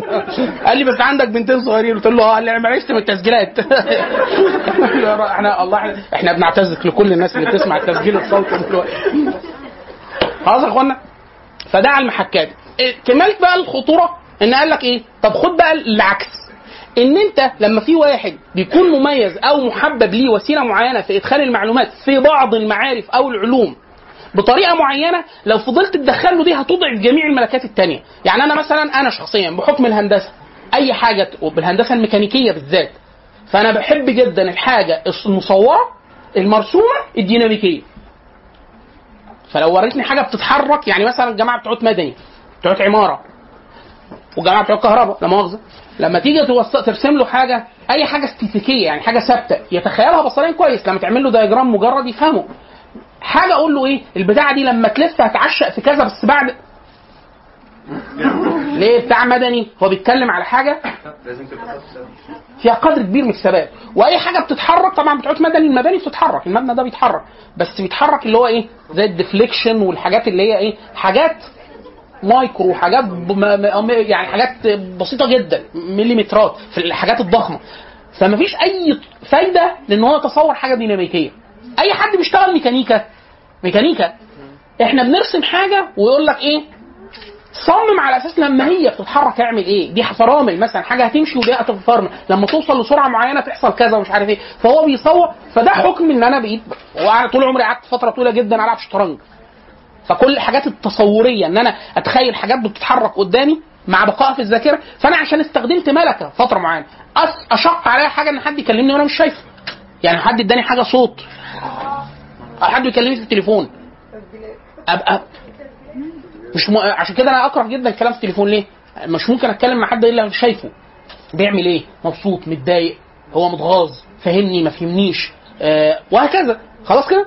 ف لو أنا قعدت طول عمري اعمل كده وما ما بنميش ملكة السماع خلاص كده يعني أنا هضعف جدا عندي آه، فهم المادة المسموعة فهم الشعر ال... وهكذا. فلازم اشتغل على الملكة دي. فده اتج- اتجرب فترة. لما بيلاقوا حد بيقعدوا يتكوا اول حاجة اللي بيزعم إن هي ده النمط التعلم المميز بالنسبة له بيضعفوا بقية الملكة. أحد الأساطير برضه طبعا يراجع. الكتاب ده أنا دايما أقول الكتاب ده محتاج يتقري كدراسة. مرة واثنين وثلاثة وعشرة وعشرين. إيه فايدته؟ هو اسم الكتاب أشهر 50 خرافة في علم النفس. طبعه هنداوي أو كلمات ثلاث أو أربع مؤلفين بالشراكة. واساتذه كبار في علم النفس. ميزة الكتاب الكبرى إيه؟ إن هو لا يكتفي ب 50 خرافة. هو هم الحقيقة 300 خرافة. بعد كل فصل. اثنين ثري جدا بالمراجع. يعني بيقول لك بعد ما قال ممكن يكون هو مراجع هو نفسه مراجع إشاعات. ممكن يكون هو مراجع خرافات فبيديك كم مراجع- مراجعات ضخمة جدا. الأهم من ده كله بقى إن هو كم الملاحظات بتاعة المنهجية البحثية والتدقيق في مناهج البحث والإحصاء والخداع بمناهج البحث اللي تبدو علمية أو الإحصائية. الكتاب ثري بشكل يعني ده ينفع؟ منهج مناهج بحث. لو حد عايز يعلف واحد مناهج بحث في العلوم النفسية والعلوم التربية والعلوم الاجتماعية ممكن إيه؟ يدرسوا ده على طريقة للتفكير العلمي السليم مع التخلي عن جميع الأشياء اللي ممكن تسرب الحاجات. بلغة علمية إحصائية دقيقة وهي في الأصل إيه؟ خرافة أو مش مظبوطة. سؤالك. طبعة هنداوي أو كلمات. الف ألف بتوزع بتوزع منتجات هنداوي لكن لو مش موجود إحنا الشباب هنا بيطبعوا في الغالب. آه مترجم. هو باللغة الإنجليزية في الأساس. هو أنا هو قالوا لي في- المعرض. كلمات قالوا لي كتابنا مش موجودة في فيرجن فيرجن جاست لا، يعني هو هو مؤلم. يعني هو هو مؤلم. بس بكام؟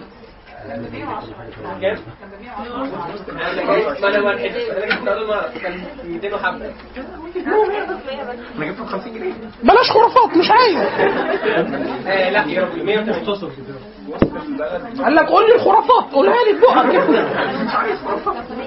هي انماط التعليم الاسري دي طبعا مختلفة عن الناس اللي بتتكلم في- الجفتدنس وإن إحنا نحاول نلاقي طرق نعرف بيها الجفتد كيد وإن إحنا نوجهه في اتجاه مناسب. دي مختلفة. لا اختبارات اختبارات الإبداع وأنواع الذكاءات دي مقيسة مختبرة مقننه وفيها خلاف اللي هو فكرة إن هو الطفل ده آه، على طبق طبعا الذكاء نفسه فيه نظريات كتيرة جدا.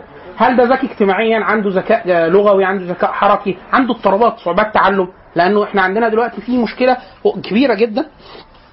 وإن كانوا ثلاث أربع مصطلحات كلهم غير بعض. يعني بطء التعلم غير صعوبات التعلم غير التأخر الدراسي. كل ده مس- كل مصطلح دول علميا الناحية النفسية مختلف والتربية مختلف عن بعض. لكن اللي إحنا اللي بندندن حوالين صعوبات التعلم. اللي هو فكرة إيه؟ إن الطفل بتاع صعوبات التعلم آه، مش طفل متخلف عقليا. ده طفل قد يكون متفوق جدا في بعض المواد وعنده اضطراب في القراءة والكتابة أو الحساب. وهو ذكي جدا على المحكات الذكائية. يعني لما تعمل له اختبار ذكاء يطلع مش متوسط. فائق. فائق. وعنده صعوبة تعلم في تعلم القراءة. عنده صعوبة تعلم في الاملاء عنده صعوبة تعلم في الحساب. خلاص؟ وهو عبقري في أشياء تانية. فوق الم... يعني فوق القوي في المس- محصلات الذكاء. وخلاص؟ فالاختبارات المخ... اختبارات أنواع الذكاء أو الإبداع لا غير لو في حاجات بتبقى تلف. صعوبات التعلم شرط من شروطها إن أنا أقول إن دي صعوبه تعلم مش تخلف عقلي ولا تأخر دراسي يعني إن هو يكون سليم الحواس والسمع والبصر يعني ما فيش حاجة عضوي.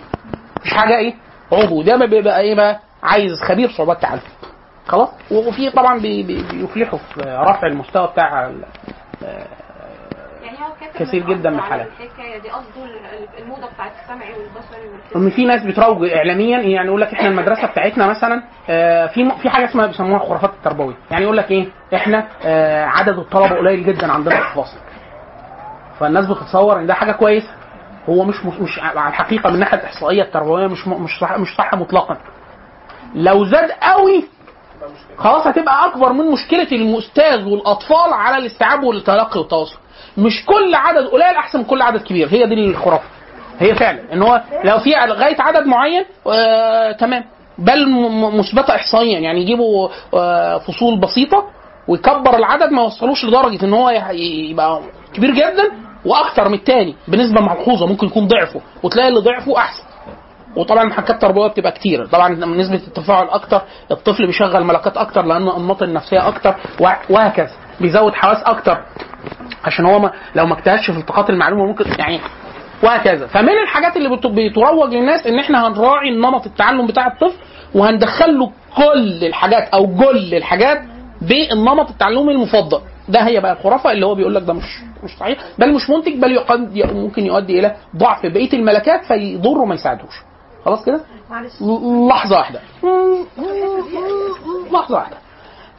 فكرة ال ال ال إن الستات والرجاله بيختلفوا اختلاف كلي في الفهم وطريقة التفكير والتعبير عن المشاعر وبتاع. آه، سبب إن هي إن هي راجل بشكل كبير جدا. واحد الانطباع العام إن إحنا مختلفين. آه، إحنا كرجالة وأنتوا كستات إحنا دايما بنقول إيه؟ إنتوا في سكه إحنا في سكه خلاص. اتنين آه ان بعض الكتب اللي برضه دخلت في قائمة الكلام الكتب الأكثر مبيعا وأكثر طباعة بعد الكتب المقدسة في القرن العشرين كان كتاب الرجال من المريخ والنساء من الزهرة بتاع آه آه جون جراي. خلاص والراجل طبعا خبير علاقات أسرية فترة طويلة جدا وليه أكتر من 10 كتب كتب كلها. طبعا بعد الرجال من المريخ والنساء من الزهرة عمل الأطفال من الجنة وعمل الرجال من المريخ والنساء من الزهرة في العمل وعمل عمل حاجات كتير جدا. كمل على نفسه الأطروحة. هو وكتاب زي مثلا لغات الحب الخمسة وغيره أكدوا على ده. إن إحنا وستات ورجالة بيتكلموا لغتين مختلفة وأنت عشان تفلح وما حدش يقتلك وما ما حدش يجنك وهي عشان البنت يعني ما تصابش باكتئاب وبتاع لازم إيه؟ تشوف هم بيفكروا إزاي. فروجوا لده. فصار بعد كده ترند. يعني خلاص الناس كلها مقتنعة بده. الحقيقي في ناس هواة بقى تنكيد. قال لك معلش هو مين قال الكلام ده؟ فلان وفلان وفلان وفلان. عندك محكات آه، علمية إحصائية؟ دل على ده؟ فقال له آه، لا.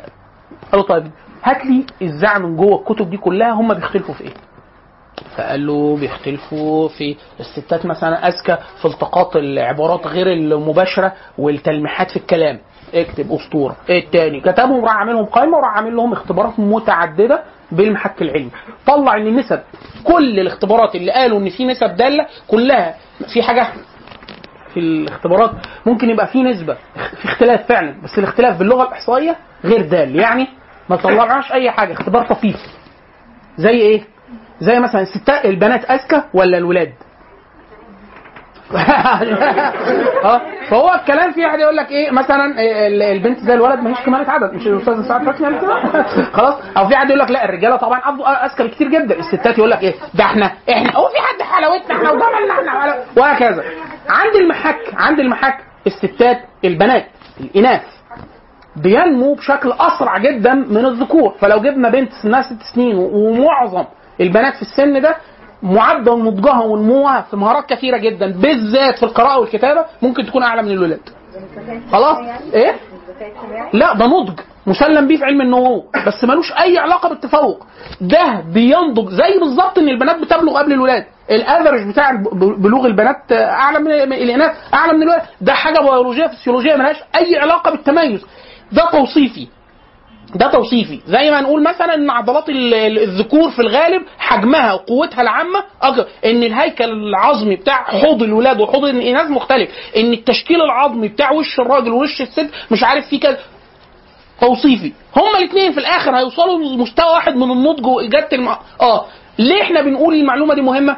عشان لو واحد بيتعامل مع الذكور والإناث وهم في سن واحد لا يتصور إن الأداء هيكون واحد. لأنه ده بل ده هيؤثر جدا على نفسية الولد ممكن يخلي الأولاد يصابوا بصعوبات تعلم ومشاكل. ليه؟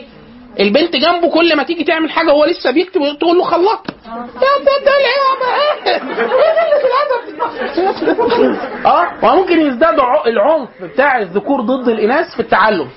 هو إحنا حد ولع في البت دي بقى؟ حد اخطف لها أم كوره ولع لها في الضفيره آه له إحنا إيه؟ إيه؟ في التوأم تلاقي البنت انجازات ده بس عند سن معين. عند سن ده مسلمة بيولوجيه يعني ده اللي إحنا اللي أنا بقوله ده مش نفسي. لا إيه مسلم بيها صح. ده مسلم بيه من الناحيه الطبية. لكن ده معناه إيه؟ يقول لك إيه؟ إحنا جنبي إحنا إحنا الذكاء فينا بس ربنا يهدينا لا مالهاش دعوة بالتفوق العرقي. مالوش دعوة. هما الاثنين هيوصلوا. عشان بس ده اللي مفهوم بيسموه مفهوم النضج والنمو.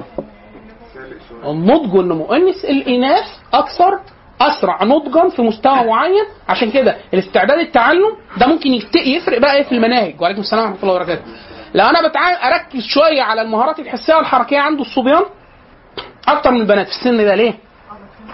عنه في السن ده خمس ست سنين يقول لك مش هم قد بعض ادي لهم منهج قراءة واحد. لا يا حاج شوف لنا حاجة عملي نعملها دلوقتي عشان إحنا لسه ما نضجناش. فممكن تعمل شيفت شيفت ده وهكذا. طبعا ده هيخلي في أسئلة كبيرة جدا على فكرة الفصل. فصل بين الإناث والذكور. خلي دول لوحدهم أحسن ودول لوحدهم أحسن. ولا يجتمعوا في بعض النشاطات وينفصلوا في بعض النشاطات. فأقول لك خلي في القراءه والكتابة البنات لوحدها. ليه؟ عشان ما يحطوش على العيال. عارف زي ما دايما ده بتبان في مسابقات المتفوقين. امام مدارس البنات والولاد. تلاقي البنات جايين عاملين ضفاير في ابتدائي. طب العيال جاي سجاير. وهربانين يروحوا السينما.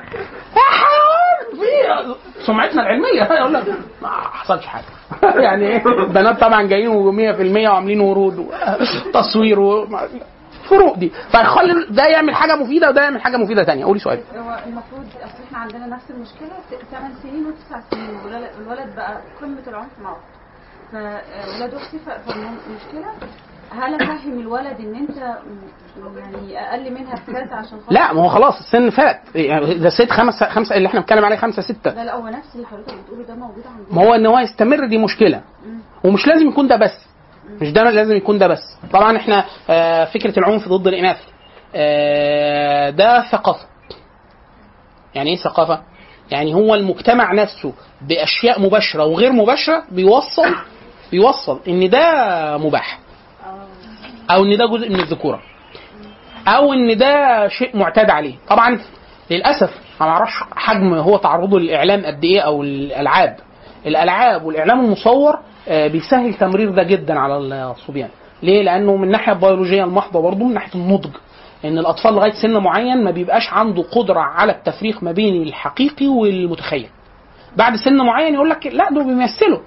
في سن معين ما لغاية سن معين ما بيقدرش يميز. فاللي بيعمل اللي بيشوفه بيعرف إن ده متحقق في الواقع أو يمكن تحققه في الواقع. فلو شاف حد بيضرب واحدة على وشها مثلا يبقى واحدة بيضربها على وشها. لو شاف واحد وهكذا فهو اللي بيشوفه لو هو بيمارس لعبة فيها كده أنا شفت لعبة مرة كنت قاعد عند أختي ده من أكتر من 10 سنين.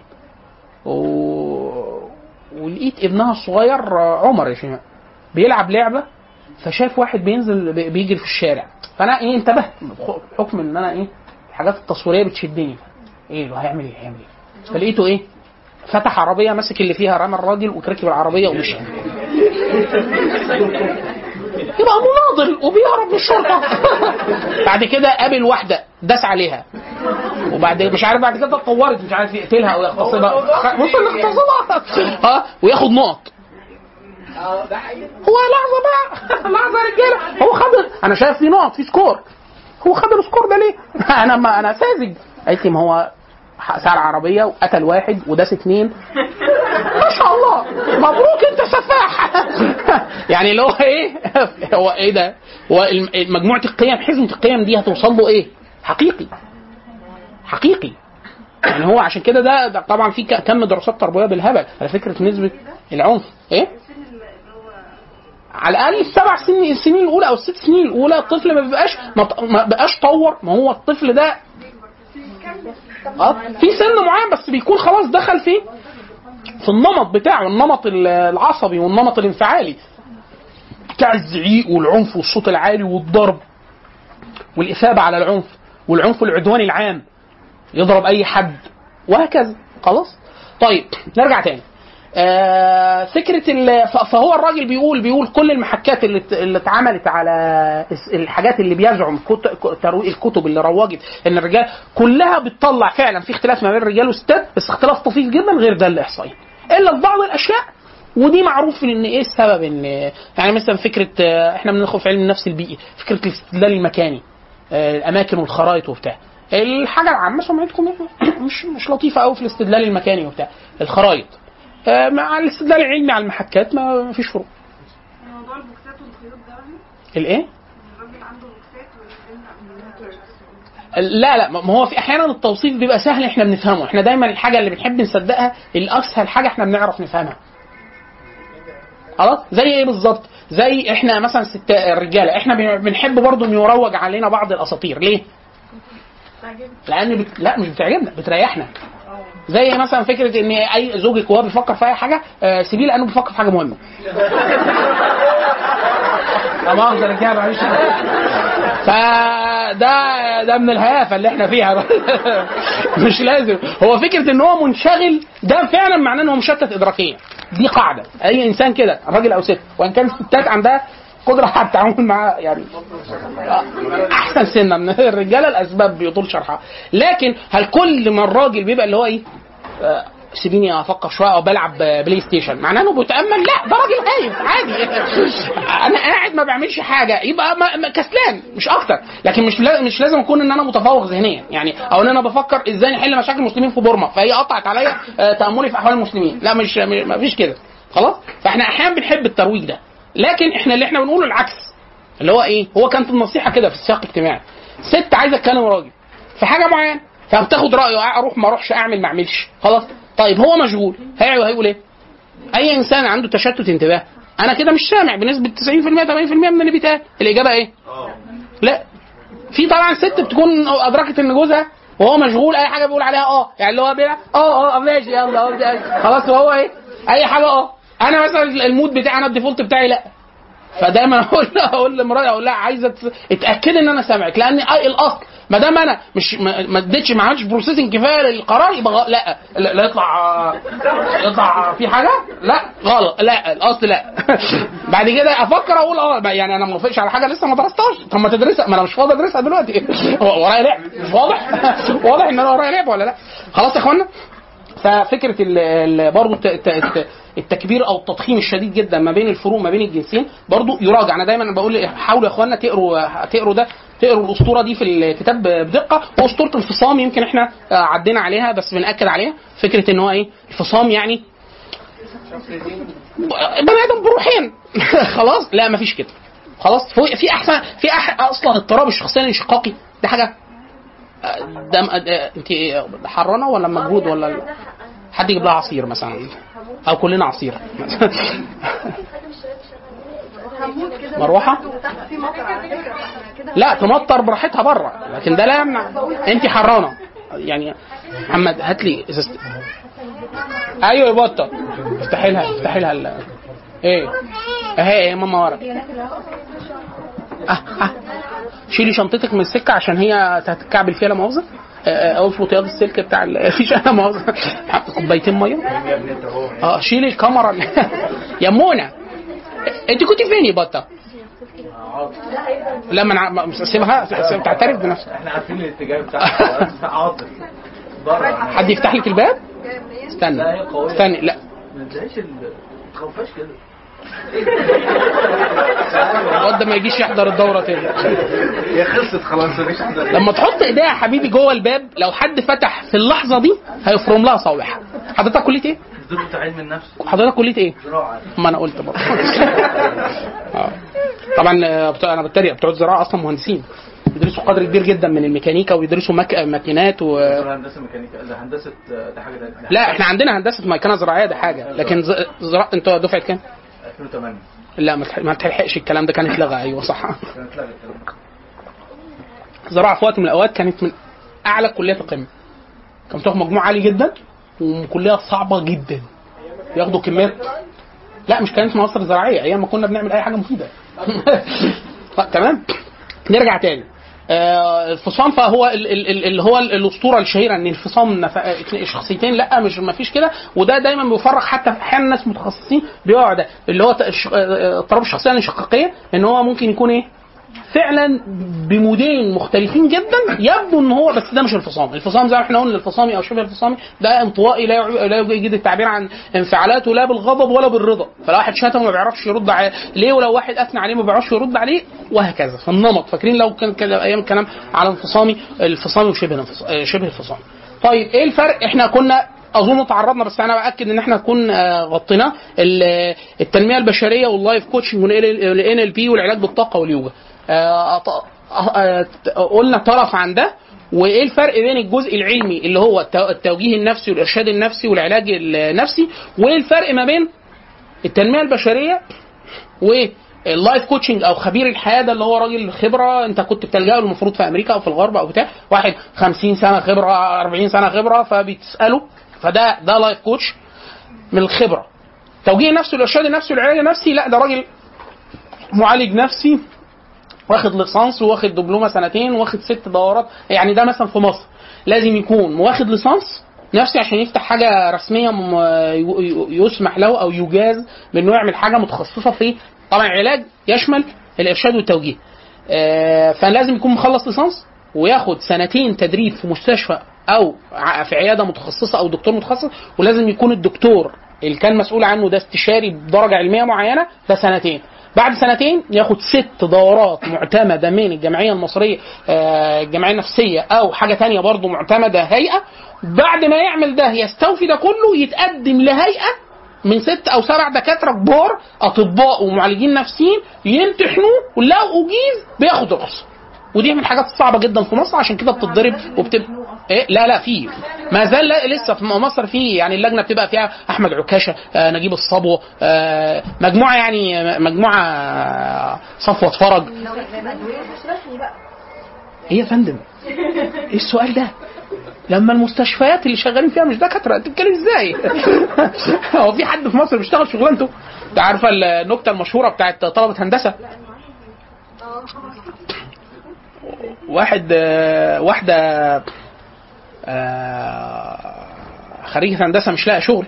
آه، قعدت سنة سنتين خريجة مش لاقي شغل. وبعد كده آه، واحد أبوها بيكلم واحد بيقول له أي فرصة شغل مناسبة تقول لي بنتي ومش عارف إيه. بعد كده قال له إيه؟ في فرصة. بس هي غريبة جدا بس ما أعرفش لو قبلت كنبيه وبتاع. قال له في جنينه الحيوانات فيها اسدين آه، هربوا. آه، ففي فترة معينة لازم اتنين يلبسوا فروة يتظاهروا إن هم أسود جوه القفص. لأنه لو اللجنة قفشتهم من غير أسود آه، كله هيتحول لتحقيق. فثلاث شهور مثلا هتاخد 5000 جنيه في الشهر هو بس هتقعد في قفص من ساعة كذا لكذا لابسة حاجة الحاجة دي أكنها أسد وخلاص. قال له والله حاجة غريبة اسألها قال لها إحنا لاقي شغل وبتاع. هوبا راحت القفص شغالة لبست البتاع أسد من الساعة كذا كذا وادي مرتب. يوم اتنين أسبوع أسبوعين ثلاثة ماشي الموضوع. بعد كده مرة بتتلفت لقيت إن الباب اللي بينها وبين الأسد اللي جنبها مفتوح. نسي الحارس والأسد قاعد قرب قرب. أول مرة قال لها دفعة 2008 ولا 2000 طلع هندسه ميكانيكا عين شمس برضه 2006 فلو مفيش حد فاطمة فاطمة هدخلك في الاضطراب هنا. امزوحه آه قال لك أنا لسه داخلة المطرة مع الأتربة مع أمشير. حد يجيب لها عصير يا أخوان. خلاص كده؟ فسواء التنمية البشرية أو اللايف كو دايما حد من أساتذتنا كده آه، حد من اساتذتنا في علم النفس يقول لك إيه طب واحد سنه 18 سنة يلايف كوتش إزاي؟ التاني كان خبرة فده طب لو لو هو بقى توجيه توجيه نفسي أو إرشاد نفسي لازم يكون متخصص ليه بقى؟ يعني إحنا أظن إحنا قلنا الكلام ده أنا بأكده اهو تاني إن بتاع التوجيه والإرشاد النفسي والعلاج النفسي بيعمل إيه؟ ده عنده حقيبة بتاعه مقاييس واختبارات عشان في التوجيه. لو انت التوجيه ده انت راجل سوي وتمام وقدامك كذا variation وكذا سيناريو في حياتك وبتقول إيه؟ عايز حد يوجهني. ده ولا ده ولا ده. فهو مهني أو علاقات أو بتاع فبيعمل شوية اختبارات ويقول لك إيه؟ فبيساعدك بأدوات مقيسة مقننة بتاع. لو هو إرشاد أزيد انت راجل آخر درجة في درجات السواء النفسي أو أول درجة في درجات الاضطراب النفسي. يعني انت إيه؟ اللي بيسموه متشبث بالسواء على الطلاق لسه مش عايز أمرض. يعني واقف على الحتة دي. فبتروح لبتاع الإرشاد النفسي. بتقول له أنا دخلت في أنا متجوز وليا كذا والموضوع مش ماشي. ابني دخلته مدرسة فبدأ يقلق. جبنا أجهزة إلكترونية. حصل تغير تقني أو اجتماعي أو علاقات أو حاجة. فأنا عندي كذا. خلاص على لو سابوك هتضرب. الفلوس هتضرب. فأنقذني. فده إحنا قلنا بدور الموجه وكمان الإرشاد. اللي هو إيه؟ يعني على عتبات العلاج. مش مجرد حد بيوجهه. لا ده بوادر اضطرابات. بس لسه ما لو خلاص الاضطراب قفش وكمل لا خلاص. يبقى ده إحنا كده عايزين إيه؟ عايزين علاج. عشان كده دايما نقول كل معالج هو مرشد وموجه ولا بد وليس كل مرشد آه، نفسي معالج. عشان يبقى مرشد ولا مش مرشد؟ مرشد لا. عشان يبقى معالج مفيش حاجة اسمها مرشد. هو معالج وهو بيختار إن هو يكون مرشد أو موجه. يعني في واحد يقول لك أنا أنا أرشاد نفسي.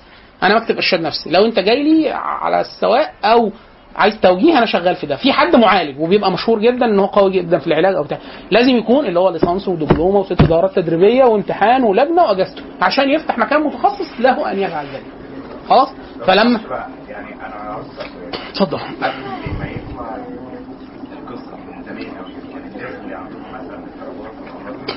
سؤال جميل. حد عنده إجابة عن ده؟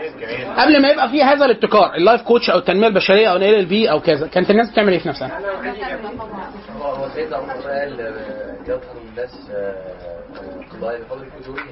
يحدث للناس من القضايا بقدر ما يحدث من الفجور مالك وغيره آه وعمر فهو إني إن المشكلة ما كانتش بالحجم ده من فترة طبعا لأسباب متعلقة بإن إحنا تعقد والاقتصاد والأوضاع السياسية العالمية وبتاع مش عارف إيه زودت اضطراب. عشان كده بيسموه يعني بيسموه حاليا عصر القلق عصر الاكتئاب. إحنا عايشين في القرن بتاع إيه؟ الحياة كانت أكثر سواء مش أكثر سواء يعني الاضطرابات اللي كان الإنسان معرض لها أقل حده د- ماشي. آه كنت هتقول حاجة.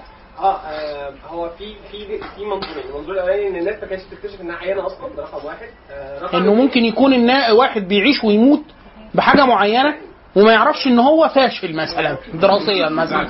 آه، بطل. ف لا ما هو ده بيروح للتوجيه. إيه؟ آه ما أنت دلوقتي زي بالظبط إيه؟ زي بالظبط لما أنت حاليا الناس بتروح آه يبيض سنانه. زمان كان الناس بتعمل إيه؟ لا صراحة دي حاجة إنسانية. سواء ست أو راجل عايز يحس. يبقى شكله حلو. كانوا بيعملوا إيه؟ يا إما كان معاه سواك خلاص ده هو متشرع. يا إما كانت الناس بتيجي زمان أنا ده شفتها ما أعرفش أنتوا لحقتوا ده ولا لأ؟ تراب أو أو رملة بحر أو فحم. لو حد شاف الفهم المجروش أو المطحون طبعا ده دكاتره السنان بيقول لك نفسه خطر على اللثة ومينة السنان على أساس إن هو اللي بيعمله. آه، الرخامه اللي بيبيضها دي هم نفسهم بيقول لك إن أنت تشيل الجير ما بين السنان والتبييض الشديد وبتاع برضه مؤثر على السنان وكده. خلاص؟ فأحيانا الناس ما كانتش بتكتشف ده. ده واحد. اتنين. تاني نقطة العلاقات الأسرية كانت بتوفر جزء كبير قوي من الدعم زمان. التشكل الاجتماعي زمان كان في حاجة اسمها بيسموها الأسرة الممتدة. الأسرة الممتدة إيه؟ أنا لغاية دلوقتي طبعا دي أعمار. يعني أنا شخصيا لا كل في حد بيكون أنا أصغر مني ب 10 سنين فهو بس عايز ياخد قرار في الدراسة وبتاع فيقول لك إيه؟ طب ما أسأل باشمهندس أيمن. فهو يقول لي أنت راجل فشلت كتير وصلت كتير ليك آه، ما تقول. فأنا أقول له لا بص أنت تشيل دي الأول. أمهد له زي بالظبط الطالب الدبلر في الدفعة. بيبقى قاعد سجارته أنا أقول لك انت ما تحضرش. على أساس ان هو فلح. لا هو طبعا بيبقى خبرته عالية بسبب إن هو إيه لبس في الحيطة قبل كده فعارف خلاص. فده في ناس كتير كان بتقوم بالدور ده كده. الست اللي كانت بتبقى متضايقة فبتروح لجارتها أو الست الكبيرة أو عمتها أو خالتها أو طنط أو تيزة أو يعني كان في م... في بني آدم بيقوم بده. أ- أيوه الأسرة الممتدة كان فيها ده كان فيها ده. حاليا الناس كل مدى بتترذذ. يعني إيه؟ أنا عايز اشكي لحد أفضفض له أحكي معاه الجيران بتاع. مفهوم ده؟ يعني أنا زمان أدركت في مستوى معين وبالذات في الأقاليم البيوت كان بتا... البيوت كان بيبانها مفتوحة.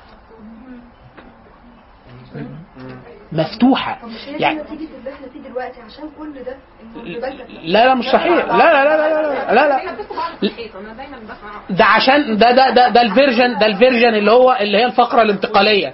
الناس لما الفردانيه زادت بتاعتها فبقت بتعتبر الألفة بتاعت زمان تدخل في ال- والناس زمان لما كان في الألفة زايدة دي كان في ضوابط اجتماعيه واللي هو العيب والأصول وقدر ما من سوسيولوجيا التدين اللي كان موجود على الناس اللي هو عدم كشف العورات عدم السؤال عن الأشياء الخفية عدم تدخل في شؤون الآخرين. لما فضل جزء من الألفة وترفع جزء من الديانة مع تعقد العلاقات الاجتماعية فالناس قالت لك إيه؟ لا يا عم في الباب يخرب بيتكم. إيه ده؟ اللي هو أنتوا كنتوا موز النهارده؟ ليه؟ هو كان بيزعق فاكر إيه بقى هو فاكر نفسه. خلاص خد بقى ده كتير. مين اللي دخل عمل لك like على الفيسبوك كده؟ ها؟ وهكذا. فبقيت اللي هو فكرة الألفة والعشم الناس يعني فكرة العشم أنا أعرف ناس كتير من الصعيد اللي هو من اقاليم أو من مناطق شعبية وتحرك آه، نعتقد اجتماعي راح لدوائر تانية يقول لك إيه لا الناس عندنا عايزة يولعوا بجاز ليه؟ ما يسيبكش في حالك انت شكلك متضايقة ليه كده؟ أم- بابا وماما اتطلقوا ولا إيه؟ ولعوا بعض تاني؟ آه، سب الله البيت تاني اللي هو إيه؟ يا حاجة أنت مالك؟ انت تاخد في شؤون الآخرين ده زمان كانت الناس بتسأل بقدر ما من التلطف إيه الحدود بتاع اللي يسأل أو ما يسألش وفكرة إيه؟ يتسأل إزاي؟ محدش بيقول لي مش عارف أنا قصدي المشكلة كده المصريين دي حاجة جينيه فيهم ما بقول لك ده طرأ زمان زمان كان برضو أنا أدركت في يعني مثلا أديكي مثال أديكي مثال حد ما أعرفش برضو خلفياتكم الاجتماعيه إيه حد أدرك المجبراتي لحقته المجبراتي؟ حاليا لو حضرتك اتجزعت. لعبت كورة ولا رجلك اتلوت ولا مش عارف إيه حد راح يتحنها رقصت شوية كتير اتملخت آه بيحصل. أصل الرجالة؟ هي لعبت كورة إما لعبوا ضرب البنات الحنن عارفه خلاص. فدي مين اللي بيعالجها زمان دي؟ كان في حد بيعمل الوظيفة دي؟ راجل أو ست؟ راجل أو ست. مجبراتي ده راجل قاعد جلابية بلدي قاعد على الأرض قاعد. تيجي كتفي وبتاع يقول لك اقعد بص. هات ياخده يروح ماسكك لفك بسرعة وربطك وبتاع. حلو. تمام. يلا ويدهن. ده. حاجات إيه؟ زي أبو فاس. اللي هو إيه؟ عنده سرطان. أبو فاس عنده. أي حد بي- بيصاب بأي حاجة أبو فاس بي- بيقتل. اي هيقتلك أنت. هيقتلك أنت والجهاز المناعي ويدمر ال- كل حاجة. خلاص؟ فالراجل ده ده بيختفي لصالح مين؟ دلوقتي يقول لك إيه؟ مفيش حد بتاع تدليك ساونا. يوجا. إيه ياض يوجا دي؟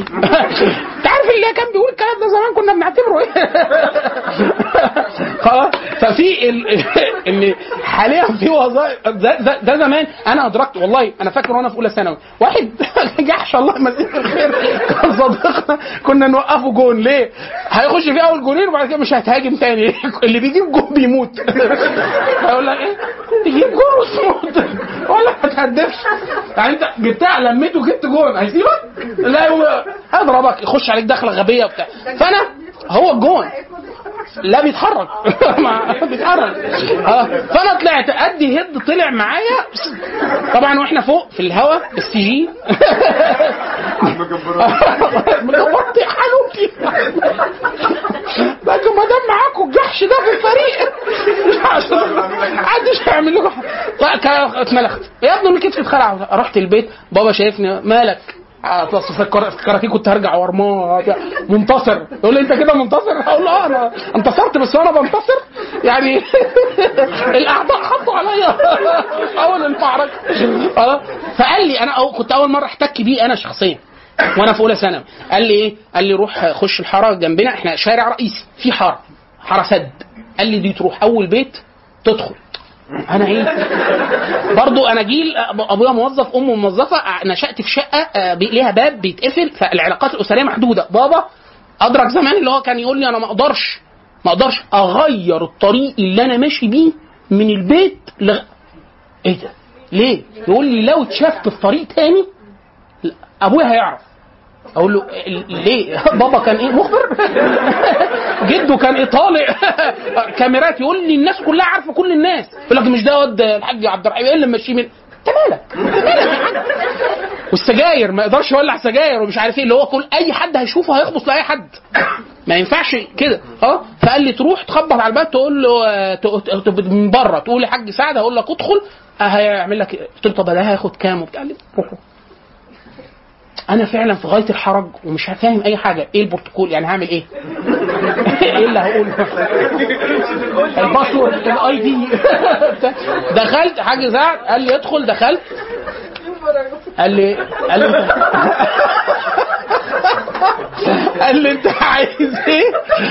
قلت له أنا ابن الحاج محمد عبد الرحيم. قال لي مالك إيدك وجعك؟ قلت له آه كتفي ما. قال لي قعدت هات له شاي عشان كنا جيران حاجة زي كده. قلت له. برك- قال له لا لا تشرب حاجة خد ياض بتاع. هو راجل كبير جد العيال اللي موجودين جاب وبعد كده مسك ايد. آه آه آه قال لي تمام. ياض يا فلان هات تعالى. جاب ثلاث تنفار بعد كده قعدوا جنبي.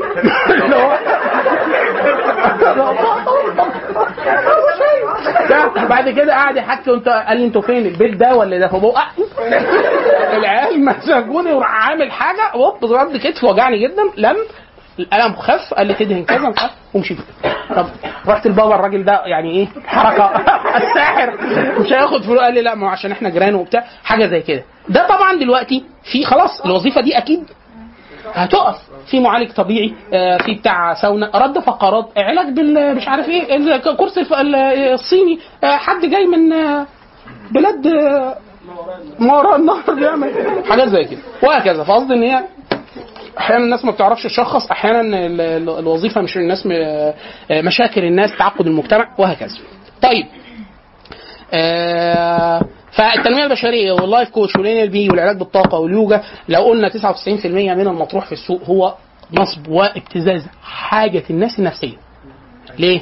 لأنه إحنا دايما نقول هو مين اللي بيطرح له؟ المعالج. المعالج ده بعد ما بيعمل شوية حاجات بيقول لك أنت محتاج توجيه أو إرشاد مش علاج. وفي حد المعالج بيكتشف إنه محتاج علاج.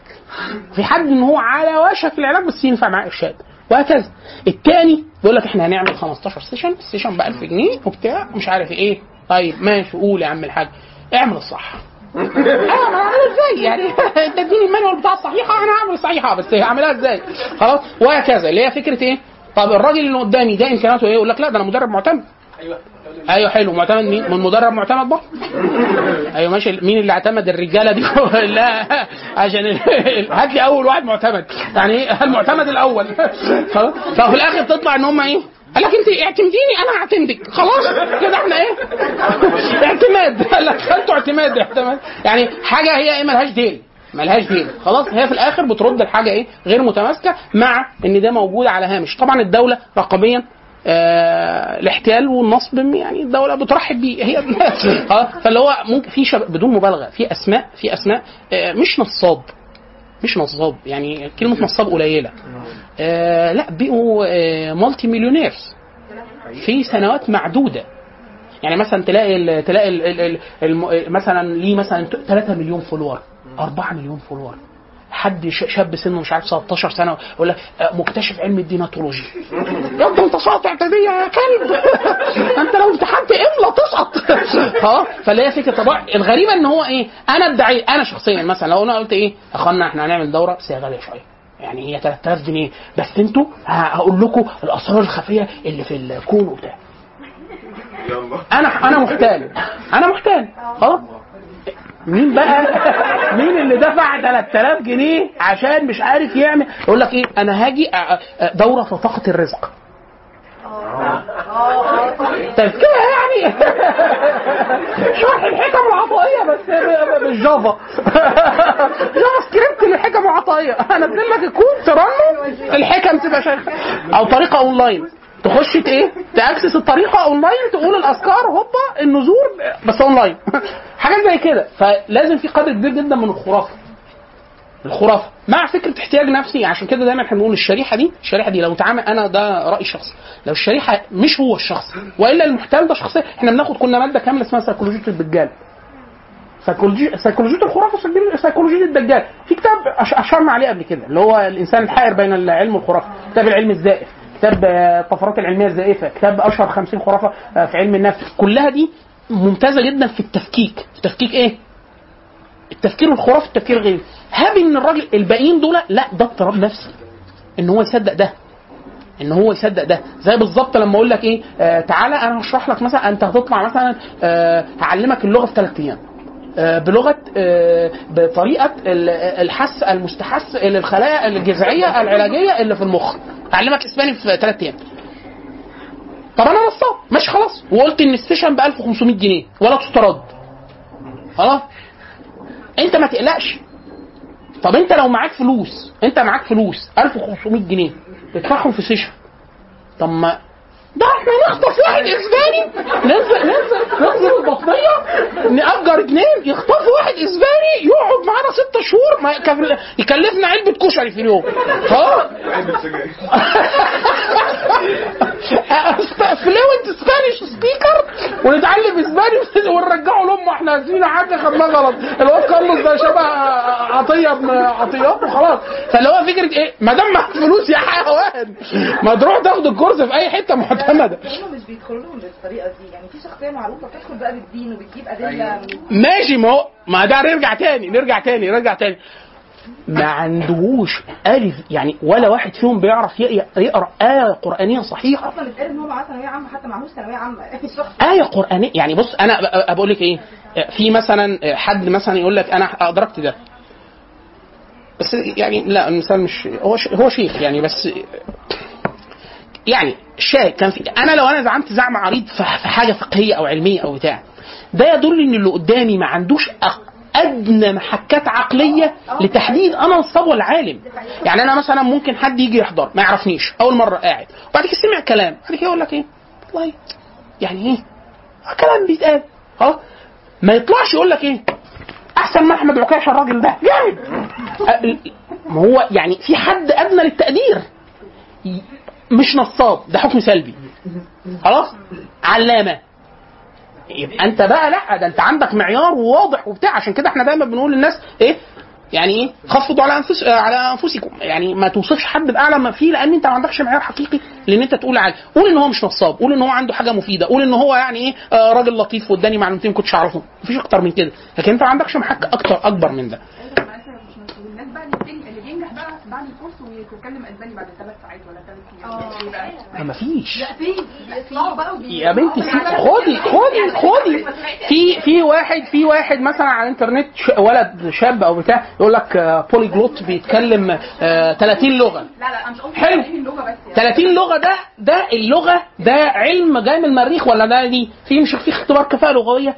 يا حبيب قلبي خش في ال 30 لغة هات لنا اختبار كفاءه لغوية هات بي 2 في أي لغة من اللغات دي. لو جبتهم في أنا شفت مرة فيديو واحد بيزعم ان هو مثلا ش- ولد صغير ش- مش مش كبير يعني 18 سنة 17 سنة بيقول إنه يعرف مثلا 20 لغة. فيعرف أنا راجل لغوي. فعندي حاجة اسمها حد الاتقان اللغوي عندي حاجة اسمها الإطار المعياري الأوروبي آه، تدقيق وكل مستوى إيه المهارة اللي فيه وبتاع. لو أنا قلت لك أنا بعرف أقول good morning ب 20 لغة حلوة. لكن أنا أعرف أعرف أو متقن ل 20 لغة فهو عامل إيه؟ فيديو بيقول عبارة كده فأنا إيه؟ قلت استنى. هو كاتب تحت Arabic جيت لي يا حاج. قول. طبعا حاجة ركيكه جدا ويبدو إن العبارة طبعا في لغة أو لغتين أنا أعرفهم. اعرف أميز منهم المعلومة الج- الجملة البسيطة. بيقول بيقول عارف لما أنا أتعلم إيه؟ أقول لك إيه؟ good morning bonjour وأقولها ب 20 30 40 لغه انت ما تعرفش يقول لك يا ما شاء الله. بيعرف بريطاوي وإنجليزي واسترالي وأمريكاوي. أنت فاهم؟ اللي هو إيه؟ حاجة كده. فاللي هو إيه؟ لا لو أنا حد قال لي لو طلع حاجة أقول له مستحيل. ده لما تقول لي الشمس طلعت من المغرب أصدقك لأن علامات القيامة بتقول كده وإن واحد يتعلم لغه في ثلاث أيام مستحيل. ده المحك. أيوه ده اللغة يا باشمهندس. أنا قصدي الشخصية دي بتقول تدريبات تتعمل لفلان ويجي يقول لك أنا عملت التدريبات دي ومش عارفة وصلت اللي أنا عايزه. ما هو ما هو احصائيا بنقول إيه؟ هو طبعا جايب هنا الخرافة بتاعت إن هو فكرة إيه؟ هو ما حدش قال لنا في إحصاء اتعملت. كام واحد كام واحد حضروا الكورس على مدار عشر سنين؟ كام واحد حقق اللي زعمه؟ يقول لك واحد. يا ابني ده بالنسبة لاحتمالية. يقول لك إيه؟ بصي بكرة. اتنين من اللي هيعدوا في الشارع بتاعه قدام جامعة عين شمس دول ال term الجاي هيجيبوا جيد جدا. احضري معايا ال course 1500 ساعة 1500 جنيه الساعة اتنين انت تمشي تنزل تمشي معاهم. وفي حد هيخش هيجيب جيد جدا في ال term ده. ده اللي هو بيسموه اللي هو اللي هو الكلام بتاع الأبراج. ينتظرك خبر سعيد. ما هو أكيد حد مواليد أم هذا البرج هينتظروا خبر سعيد النهارده. ده اللي بيسموه الكلام العام اللي يمكن اسقاطه على جميع الأشخاص. ده جزء من الخرافة. زي البلاسيبو. بالظبط. اللي هو إيه؟ حضرتك خد البتاع ده وواحد يقول لك أنا خفيت فعلا. ما إحنا عارفين. أي دكتور يقول لك إحنا بالوهم 75% من أي عينة بتتعرض للوهم. جزء من ال phases الخمسة بتاع اختبار أي دواء محك صيدلة أو طبي عشان يتقال إن هو دواء ده البلاسيبو. إن هو إيه؟ ما يكونش إن إحنا بنقول لهم إحنا هن بنجرب فيكم علاج يقول لك إيه؟ مش علاج وبيجربوا جديد محتوى يبقى إحنا خفينا. وده بيحصل. ده ده ده حاجة إنسانية بيولوجية معروفة. فاللي بيبيع الوهم يقول لك ما هو أنا جربتها ونفعت. آه جربتها ونفعت دي؟ مالهاش ده أه، ينفع أصلي من غير وضوء؟ قالوا لا يا ابني ما ينفعش. قال له أنا جربتها ونفعت. فهو المحك العملي ده ملوش أي قيمة من الناحية العلمية. خلاص كده نرجع تاني قلت إن الحاجات دي مش هتنتشر إلا لو فيها جزء حقيقي. هو إيه الجزء الحقيقي؟ إيه الجزء الحقيقي؟ أنا بجيب لك بقول لك إيه؟ طاقة الرزق الكورس مش مصدقاني؟ أدي فيديو لمحمد رمضان بيقول أنا فعلا محمد رمضان جاي فيديو إن هو حضر كورس مش عارف من كام سنة ومتسجل معاه كان بعد الكورس بيقول له أنت نسمع إيه؟ قال له أنا هبقى آه، هجيب عربيتين كذا وهبقى نجم مشهور جدا وحاجة زي كده. ما قالولناش كام واحد تبع خلص الكورس ده وقال الكلمتين دول وما عملش ولا حاجة من اللي عمله. أو مات امبارح أو مات بعدها بأسبوع. خلاص. هو ده المحك العملي المعياري اللي هو كام في المية. خلاص. وإلا من ناحية الزعم العريض ده لو هم عملوا آه ورقة. وكتبوا فيها أسماء الطلبه بتوع ابتدائي عدوا على مدرس معين. وبيقول لك إيه؟ في ظاهرة أنت عارف حجرة الدفن بتاعت الحجر الهرم الأكبر؟ آه الغريبة دي؟ آه المدرس ده كده كل اللي بيعدوا على الفصل ده نسبة كبيرة جدا بتخش طب هندسة. إحنا عملنا أي مدرس ابتدائي كده بنسب عشوائية هتطلع لك أرقام غير دالة ملهاش أي معنى. والدليل إن هو المدرس ده في مدرسين تانية وفي محكات أسرية وتربوية. ممكن العيال تكون تموت في النص ممكن يجي لها مش عارف وهكذا. لو جبت واحد أو اتنين أنت ممكن تصدقي. بسبب إيه؟ إن هو ما أنت المحك المعياري أو العلمي اللي في ذهنك ما بيقولش آه، آه، إيه اللي حصل. خلاص؟ طيب نرجع. آه، كنا قايلين برضو من الحاجات اللي إحنا سايبينها معلقة فكرة المرض والاضطراب. إيه الفرق بين المرض والاضطراب؟ ما ما ما, ما كنا أجلناهم كذا كذا مرة. هنقول شوية حاجات بتفصل الاثنين عن بعض عشان أقول إن ده مرض أو اضطراب. المرض ال- من أهم المؤشرات الأساسية بتاعته إنها بتسبقه فترة طويلة من السواء يعني إنسان بيقعد سوي سوي سوي بعد كده يجيله فصام. سوي سوي سوي سوي يجيله اكتئاب. خلاص فترة إيه؟ فترة كبيرة من السواء بتسبق إيه؟ المرض. ال- ال- الاضطرابات بتبدأ من سن مبكر. يعني ممكن نقدر نقول إن الإنسان من وهو طفل عنده فوبيا. من وهو طفل شخصية مضادة للمجتمع. من وهو طفل يعني الاضطراب يبدأ إيه؟ مبكر جدا. إيه؟ الاضطراب أخف من المرض مطلقا. ده اطلاقا أغلبي حكم أغلبي. ولكن من 35% 65% من الاضطرابات قد يكون مصاب بمرض. لكن في كثير جدا واحد عنده اضطراب وما يكونش مريض.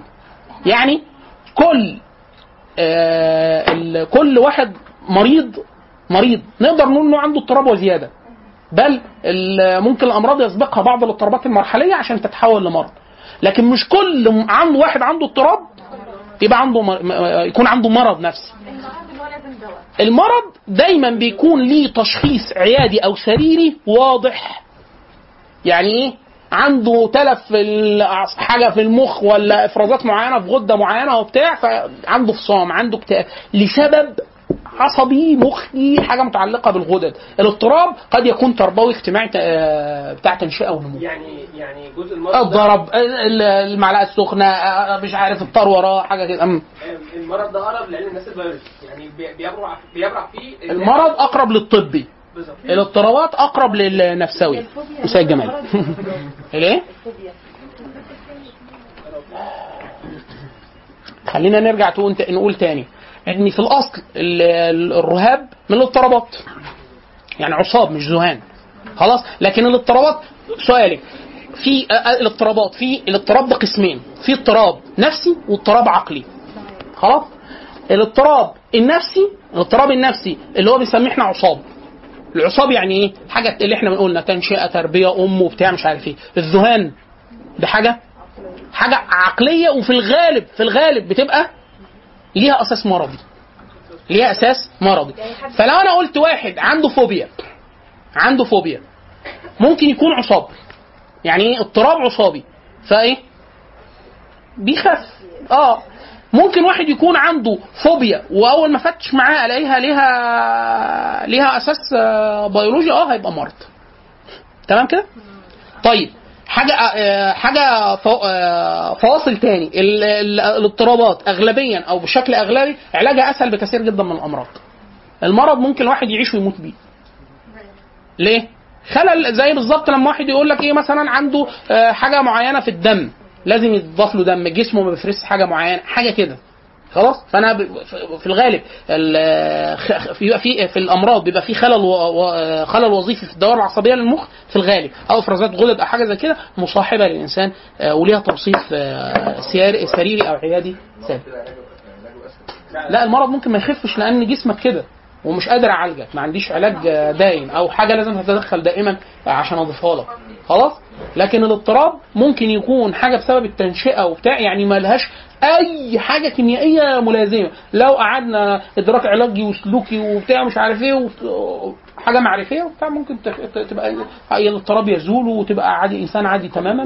مرض يكون مصاب باضطراب؟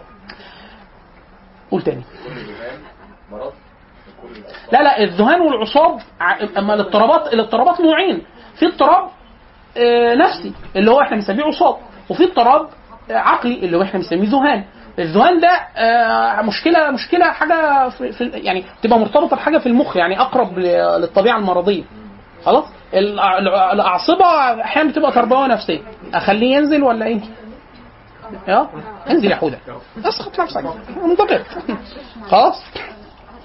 اللي أنا فهمته في البداية ان الاضطراب هو شيء معنوي غير ملموس. ال- ال- المرض شيء مادي ملموس. إن أنا بعرف إن ده مريض أو لا. معظم معظم معظم الاضطرابات معظم الاضطرابات آه، ممكن تكون تربوية نفسية وبتاع بعض الاضطرابات بيبقى مضطرب. يعني أنا زي الاضطرابات اللي إحنا قلناها كلها. خلاص؟ ويكون في مشكلة كمان مرضية. يعني معاه مرض آه، يعني مثلا دايما آه، خلايا مخه آه، فيها مشاكل فيها خلل وظيفي. مرض واضطراب. ما هو ده إحنا بيسموه الاعتلال المشترك. إن دايما الناس حتى في الأمراض العادية واحد يقول لك هو عنده ضغط ولا سكر؟ لا مش لازم يكون هما الاثنين ضغط وسكر وعنده وعنده هشاشة عظام وعينيه ضايعة. يعني ينفع كل ده خلاص؟ فنفس الحكاية الاعتلال المشترك من أعقد الأشياء في علم النفس. لأنه بيصاب بكذا حاجة زي الاضطرابات. يقول لك إحنا عنده اضطراب وعنده اكتئاب وشخصية فصاميه يلا. كلهم مع بعض. آه الأوردر حضرتك تحب كاتشب مايونيز؟ لحظة واحدة. آه. لو أنا أنا دلوقتي آه، إحنا قلنا هدف الدورة ال- هدف الدورة العام إن الناس غير واحد غير متخصص. خد فكرة واشترى بكرة. هتعرف شوية عن علم النفس. عرفت عرفت بعض المفاهيم الأساسية. عرفت بعض أقسامه. آه، عرفت لو حابب أقرأ فيه أو بتاع. لكن إحنا هن- هنرجع لفكرة الدراسة غير لغير متخصصين أو القراءة المنهجية لغير متخصصين. أنا فايدته بالنسبة لي أنا كأب أو كأم ما لا يسع ما لا يسعني جهله إيه؟ في علم النفس. في جزء متعلق بالاستبصار الشخصي. يعني حضرتك إيه اللي ممكن تستفاده من علم النفس؟ فعلا. واحد إن أنت تحسن من قدرتك على فهم نفسك فهم على عملياتك العقلية والمعرفية والانفعالية. يعني في واحد مثلا يقول لك أنا بتكسف جدا أتكلم قدام الناس. هو ده عارفه من نفسه. ليه؟ مع قدر ما من القرايه في علم النفس ممكن تعرف ده. في حد يقول لك والله أي حد من الجنسين. يعني في ده راجل أو بنت. في ولد يقول لك إيه أنا حبوب وضحوك وبعد بتاع آه بس لو في بنت عدت على بعد 3 كيلو. آه مفيش. والعكس. في بنت تلاقيها عادي منفتحة وواثقة في نفسها وبتاع مش عارف إيه. تواجد أي ذكور في دايرة خم... خمسة كيلو قطع أعصابها وتبقى متوترة وقلقانة وبتاع. إيه السبب؟ لما بيعرف علم النفس واحد يقول لك هخف؟ لا مش هخف. استبصارك بنفسك هيزيد. فعلى الأقل لما تيجي تقع بالظبط واحد ياخد دورة في الصحة العامة. فيعرف يقول لك إيه ده؟ وأنا ضافري لما كان يظهر فيها كذا يبقى أنا ممكن يعني أنا ممكن أسأل دكتور أنا عندي أنيميا ولا لا؟ هو أنا ليه أحس إن أنا أنا باكل فول كتير؟ بس أحس عظمي واجعني. لو حد اداله حاجة في الصحة العامة يقول له مثلا أكل اللحمة كتير أو أكل الفول كتير ممكن يجيب لك مقرص. والمقرص ممكن تحس بيه ألم. والله اللحمة كتير والفول كتير يجيبوا نفس الأس... نفس المرض شوف سبحان الله. خلاص وهكذا. ف إيه؟ ففكرة ال- ال- ال- ال- المعرفة الاستبصار بالنفس ده ده مهم جدا. أهم حاجة أهم حاجة إن في جزء إحنا هنتحاسب عليه. هنتحاسب عليه. آه، قوا أنفسكم وأهليكم نارا وكلكم راعي. انت في ناس أبوك أمك اخواتك الناس المحيطين بيك آه، حتى المحيطين بيك مش لازم يكونوا قرايبك. يعني ذكور بيتعاملوا مع إناث إناث بتتعامل مع ذكور. خلاص؟ لو هو عرف قدر ما من الفارق ما بين الرجال والنساء أو تأثير الجنسين على بعض من الناحيه السيكولوجية هيتقي الله في الطرف الثاني خلاص؟ ليه؟ آه، لأنه هيعرف إن ممكن شيء هو بيعمله آه، أريحي وب... يعني أنا ده أنا ده شفته كتير في الجامعة. بحكم إن أنا ليا أكتر من 22 سنة طالب جامعي. فعلا 22 سنة لم أترك الجامعة سنة. من سنة 96 لغاية دلوقتي جوه الجامعة. وجوه الجامعة طالب. فاللي هي إيه؟ آه يعني أنا بنات أختي آه، هيتخرجوا السنة الجاية فالعيال اللي معايا في الدفعة دي آه، ده دفعة ندى يا شيماء. اللي هم إيه؟ اللي هو يعني أطفال. يعني بس اشخاص بالغين وبتاع. هم شايفين نفسهم كده. أنا شايفهم من ناحية سيكولوجيه يعني خلاص. آه، في بقى بنات معانا في الجامعة من سنة 96 لغاية دلوقتي. دمروا ناس كتير جدا حواليهم. وفي ولاد دمروا بنات كتير جدا حواليهم. إيه السبب؟ جهلوا بأثر الطرفين على بعض. يعني في بنت أحيانا بتبقى فيها قدر ما من السواء بس التنشئة الاجتماعية بتاعتها كده. يعني منفتحة جدا بتتكلم مع الناس وبتاع. في حد بيبقى جاي من خلفية لو حد قال له ازيك صباح الخير يا أستاذ ايهاب بتحبني؟ في حد بيفسر أي اهتمام أي اهتمام اللي هو إيه؟ آه، هو انت أنت ما جيتش ليه إمبارح؟ شوف يا أخي سايبة الدفعه هي سألت. كل الناس بحكم في ناس تنشئتها الاجتماعية بتكون محاطة جدا بقدر كبير جدا من الذكور. مع قدر كبير جدا من التخفف في العلاقات الشرعية وبتاع فبيبقى في قدر من الألفة. زي بالظبط بالظبط لما حد يقعد مع حد أجنبي أمريكاني ولا بتاع فيقول له فكرة.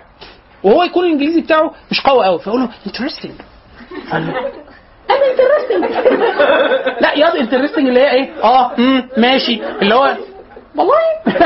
يعني هي دي إيه لازمة كلامية باللي هو إيه آه كمل كلامك يعني إيه كونتينيو كده حاجة كده. ففي ناس بتفهم كده وفي العكس وفي العكس. في أحيانا بتبقى ولد أو بنت شخصية هستيرية. في قدر ما من الهستيريا فبيبقى ده لعوب واحد يقول لك إيه يبقى بنت منفلتة بقى. لا أنا شفت العينات كده. في ذكور لحية وعلامه صلاه وبتاع وهو عند توصيفه بالتوصيف العلمي اللي أنا اعرف أنا ساعتها كنت فاهم المعنى بس طبعا التوصيف العلمي مش عايا اصطلاح. وفي بنت كده يعني أنا شفت بنات منتقبات منتقبة ومتشرعة وكل حاجة وهي فيها ده. فمدمرة لا طبعا إيه المشكلة في إيه؟ إن هي بتمر بأشخاص كتير أو هو بيمر عليه بنات كتير. بيقابل حد عنده استعداد للمرض فبيروح جاي معاه بقى. بيدمره أنا شفت شخصيات اتدمرت بالطريقة دي. ما هو إحنا بنقول أهو. بنقول إيه؟ زي إحنا بنقول لما إحنا في ال في ال في التعامل مع الجنسين لما بنقول لك إيه؟ آه، غض من البصر وعدم وضع ال- العطور أو اللبس ليه شروط معينة. صاحب الشريعة عمل كده؟ ليه؟ بالظبط. هو سد ذرائع ذرائع بس إيه؟ تتسد. ليه؟ لأن في مساحة معينة. لو اتكسرت لا الدنيا بت إيه؟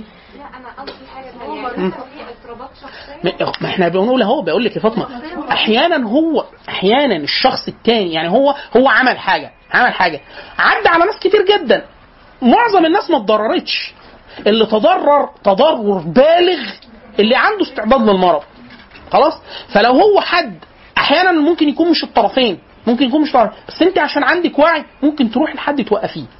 أو تنبيه حد تقول له ما تعملش ده. يعني في حد بيبقى عنده وعي. خلاص؟ فبيشوف طرفين. طرفين. واحدة متعلقة جدا بواحد أو واحد متعلق جدا بواحدة فبيروح له يقول له كل اللي أنت فاهمه غلط.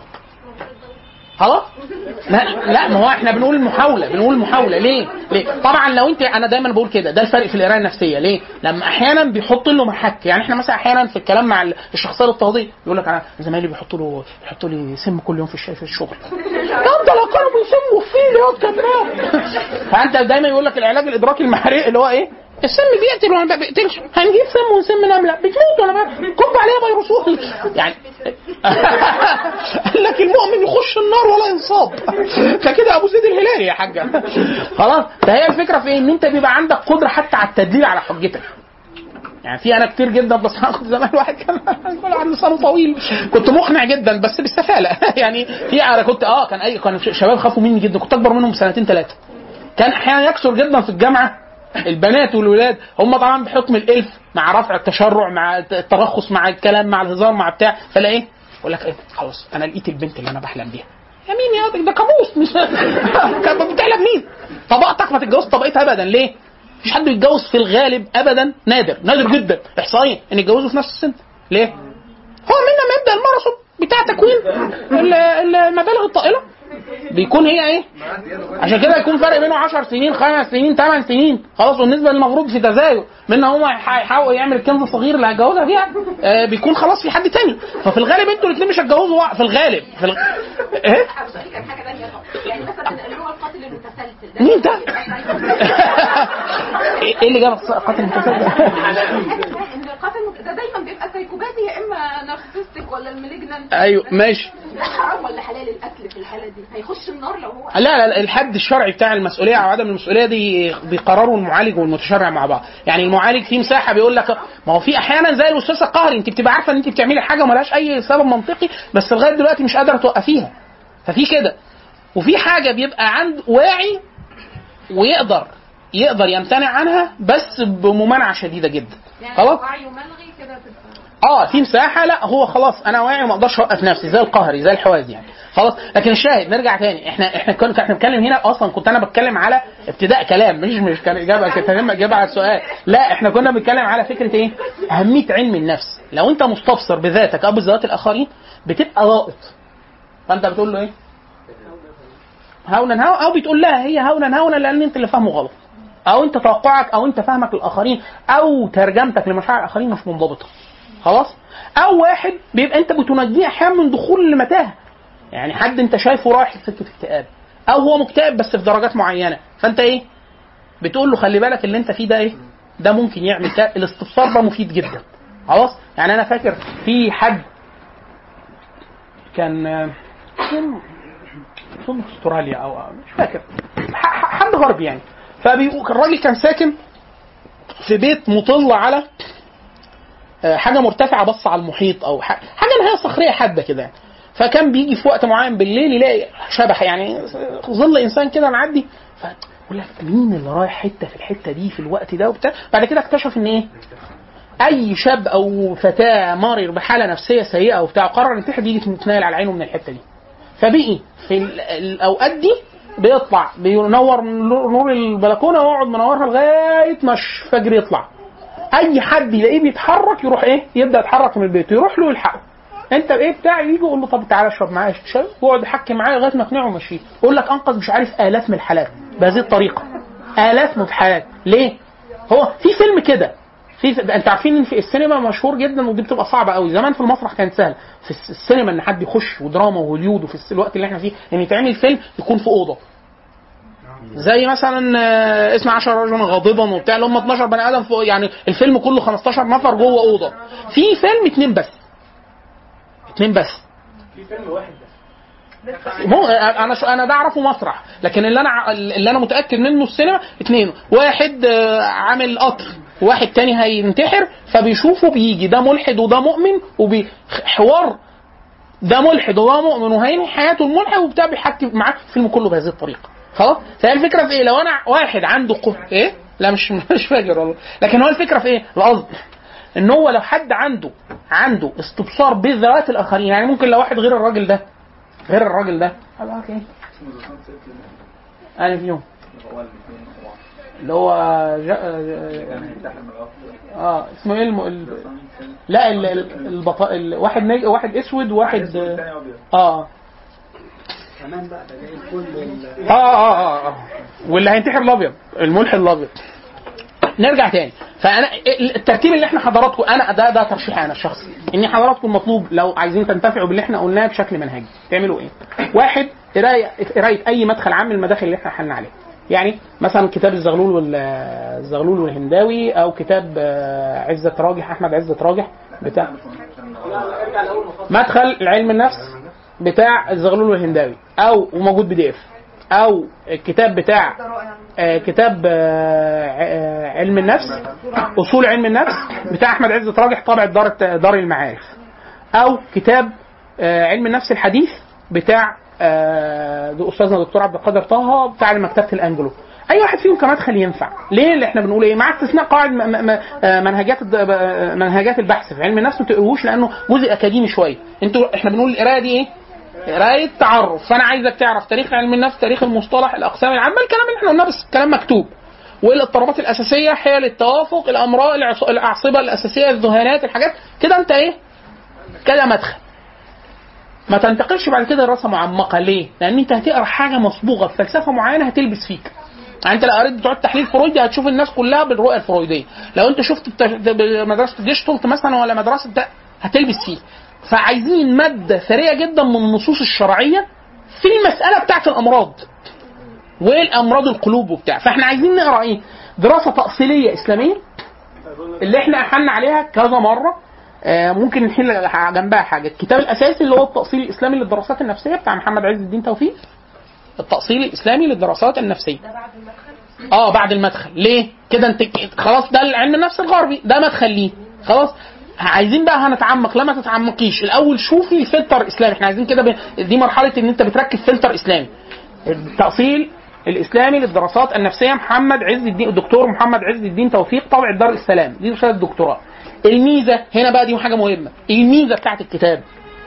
إنه عامل قائمة في آخر الكتاب بأسماء كل الكتابات المعاصرة. حتى كتابة هذا الكتاب هو كتاب حديث اللي اتكتبت م- بالتأصيل الإسلامي للدراسات النفسية. فبيقول دكتور محمد عثمان نجاتي عمل القرآن الكريم وعلم النفس تقييم الكتاب كذا مستوى الأكاديمي كذا النقود والمميزات. دكتور محمد عثمان نجاتي عمل مدخ- مدخل لدراسات آه، لأ- آه، لعلم لاسلامه علم النفس أو الدراسات الإسلامية. وواحد اثنين ثلاثة الدراسات النفسانية عند المسلمين الدراسات النفسية والغزالي خاصة. مش عارف يجيب اسم المؤلف المؤلف أهميته يقول لك ده كتاب وعظ خطابي ملوش أي علاقة بالعلم والتدقيق. ده كتاب يغلب عليه النفس الصوفي ده كتاب وهكذا. لا ده رساله دكتوراه. فدايما رسالة الدكتوراه طبعا بتبقى إيه؟ واحد استقصائية في موضوعها وليه مشرف. المشرف كان تقيل جدا وليه مناقشين و... يعني إيه؟ فبتبقى إيه؟ ليها قدر كبير جدا من الموثوقية وهي معمولة كمان في المغرب أظن. فيعني مستوى برضو مستواها مستواها كويس. خلاص كده يا إخوانا؟ طيب أنا عايز آه بعد كده أكمل أكبر كم من النصوص في المسألة. يعني إيه؟ عاوز كتير جدا. أنا بقول لك مثلا الكبر. خلاص إحنا هنا قلنا في شخصية في الشخصيات. النرجسي النرجسي ممكن الهستيري ممكن الشخصية الاضطهادية ممكن حس إن هو إيه؟ أنا آه ممكن. هو أحيانا اما لذله شديدة جدا في النفس أو مبالغة كثيرة جدا أو استعلاء آه، متوهم في قيمة الإنسان. ثم الكبر ده من أعمال القلوب.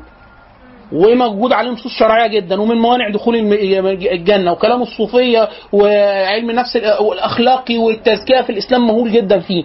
المحك بدل ما أنا أقعد أوصف الأشياء بتوصيفات غربية وأقول ده يتعالج بيه كذا وكذا وبتاع وممكن يكون هو أصلا مرض من أمراض القلوب والشرع عامل له توصيف وعلاج واضح وناجع وأنت عمال إيه؟ ودنك منين؟ خلاص؟ طبعا ده ده جزء من مزايا الكتاب بتاع التأصيل الإسلامي يعني عامل جزء اللي هو إيه؟ الكبر، الغضب، القلق، الاكتئاب، مقارنات. مقارنات مقارنات يقول لك الكبر كذا، علاجه الطبي إيه؟ الروحي إيه؟ التحليل النفسي إيه؟ والفارق فين الإضافي اللي إحنا كمسلمين ممكن يبقى مدخل عظيم جدا حتى هو بادئ كلامه بكده إن كثير جدا معظم الاضطرابات والأعمال القلبية واللي إحنا بنسميها أعمال القلوب وعيوب النفس ومش عارف إيه تناولها علم النفس الغربي بالدراسة وفي جزء لا يتناولها علم النفس بالدراسة لأنه لا يعتبرها اضطراب أو مرض بيتناولها في حاجة ثانية خالص خلاص؟ ليه؟ لأنه المحك سلوكي. إحنا دايما بنقول إيه؟ يتصور وجود واحد معجب معجب بعمله ولم يرى إنسان قط. يعني مفيش محك سلوكي. يقول لك يق... يق... دايما كده علماء السلوك يقول لك يقدر الرجل في جب. في جب. يعني محبوس في بير ولا في زنزانة مدة 20 سنة ولا يرتفع عمله أعلى من رأسه. معجب. ليه؟ إيه سببه؟ لأن يقول لك إيه تعريف الع- العجب عند علماء السلوك أو علماء الصوفية أو كذا يعني ما بيقتضيش أصلا حد تاني. هو إيه؟ فقط عدم رد النعمة للمنعم فأنت معجب بصلاتك بحفظك بصحتك البدنية. واحدة معجبة بشعرها عاجبها شعرها جمالها. واحد بص شوف بص ال bench. أيوه ما هو أنت أصلا لو أنت عارف والله العظيم أنا حضرت ال term ده بناخد آخر term في علم النفس بناخد علم نفس عصبي neuropsychology المحاضرة أنا أنا بقول المحاضرة دي تنفع محاضرة تزكيه يعني حتى أي حد فيكم يحضر مح... course neuropsychology تزكية. والله لو حد عايز يعرف معنى الحمد ما فيش حاجة ما فيش وظيفة إدراكية. عشان أنا أميز إن حضرتك قدامي كم الوظائف العصبية قد أي خلل راحت. مش ان أنا احفظ مش ان أنا اعرف اكمل مش مش ان أنا اعرف ادي مش ان أنا ابقى استبقي المعلومات في ذهني مش ان أنا اعرف استحضرها مش ان أنا اعرف اصلي مش ان أنا اعرف احفظ قران ان أنا اعرف اتكلم ان أنا اعرف اميز المقروء ان أنا اعرف افهم اللي انت بتقوله ان أنا اعرف اميز من مثيرين صوتيين كم وظائف عشان كده وان تعدوا نعمه الله والله لو واحد قعد جاب لو قال مثلا مليون حاجة هنعدها ولا مليون طب مليار ولا مليار عشان كده دايما يقول لك إيه اي نعمه تقضي على جميع العمل اي نعمه يوم القيامة تقضي على جميع العمل. ليه يقول لك طب بس ده أنا أنا طول عمري حامد وشاكر ومصلي وبتاع مش عارف إيه. كله نعمة البصر تجب وزيادة. عشان كده فكرة إن هو أنت لا فعلا لا حول ولا قوة إلا بالله فعلا ما تقدرش تعمل ولا حاجة. طب أرفع إيدي. طب أعمل صباعي كده. طب أتكلم. طب أتكلم. طب أميز الكلام. طب أرتبه في ذهني. طب أستحضر المعاني. طب ما افقدش الذاكرة. طب ما افقدش ذاكرة الأحداث. ده ابنك ولا ابننا؟ ابنك؟ كويس ميزته.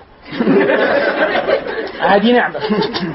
والله العظيم أنا قاعد طول المحاضرة ربنا ولك الحمد حمدا كثيرا. اللي هو إيه؟ أنت قاعد فعلا لا حول ولا قوة إلا بالله. يعني أنت مش إحنا مش عارفين نبص ولا نتكلم ولا ندرك ولا ننام ولا نحافظ على التوازن ولا وظائفنا اللا إرادية ولا المخ ولا الخلايا ولا العصب ولا كانسرز إن كل الخلايا بتنمو باضطراد معين والحاجات اللي بتتهدم والجسم بينظف. اللي هو إيه؟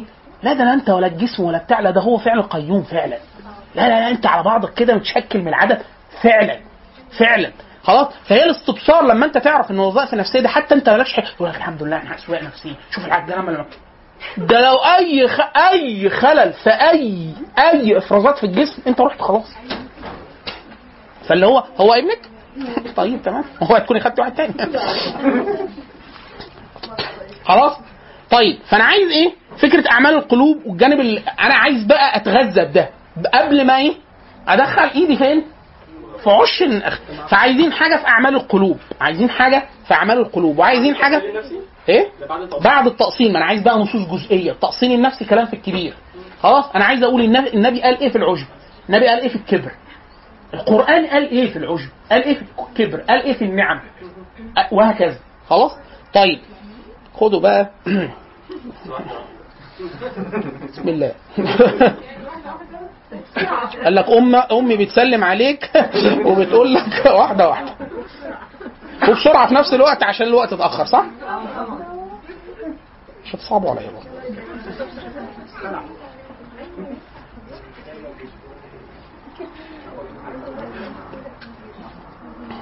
سمع سكتي يمنى.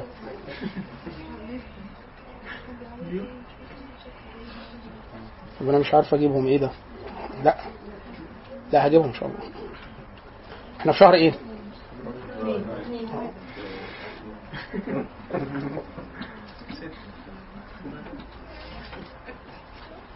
يعني إحنا كده نطمن على نفسنا؟ لا ما تطمنيش حسيت إن إحنا الحمد لله؟ يعني آه لا إحنا الحمد لله قوي. الحمد يعني ما لله عندناش حاجة في مخنا مش عارفين برضه. يا بنتي يا فاطمة. والله العظيم صلى الله على محمد. صح يعني هو رب ربنا باعت النبي عشان يقول لك حقيقه الدنيا إيه. فقال لك من أصبح معافا في جسدي أما أن أصبح آمنا في سربي معافا في جسدي معه قوت يومي فقد حيزت له الدنيا بحذافيرها. هو كده أنت معاك الدنيا كلها. ليه؟ أنت معافى في جسدك يعني في جسدك.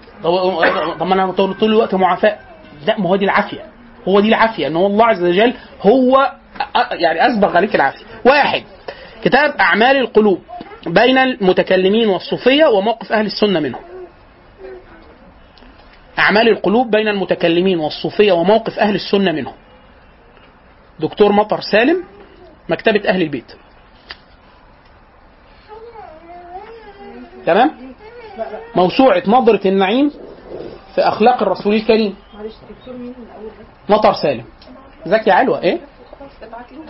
لا ما في حاجات ملاحظات أنا بقولها على الكتب هي دي الأهم من الكتاب. ما أنا جاي لك اهو جاي لك اهو إيه ميزة نظره نظرة النعيم؟ هي موسوعة 11 جزء.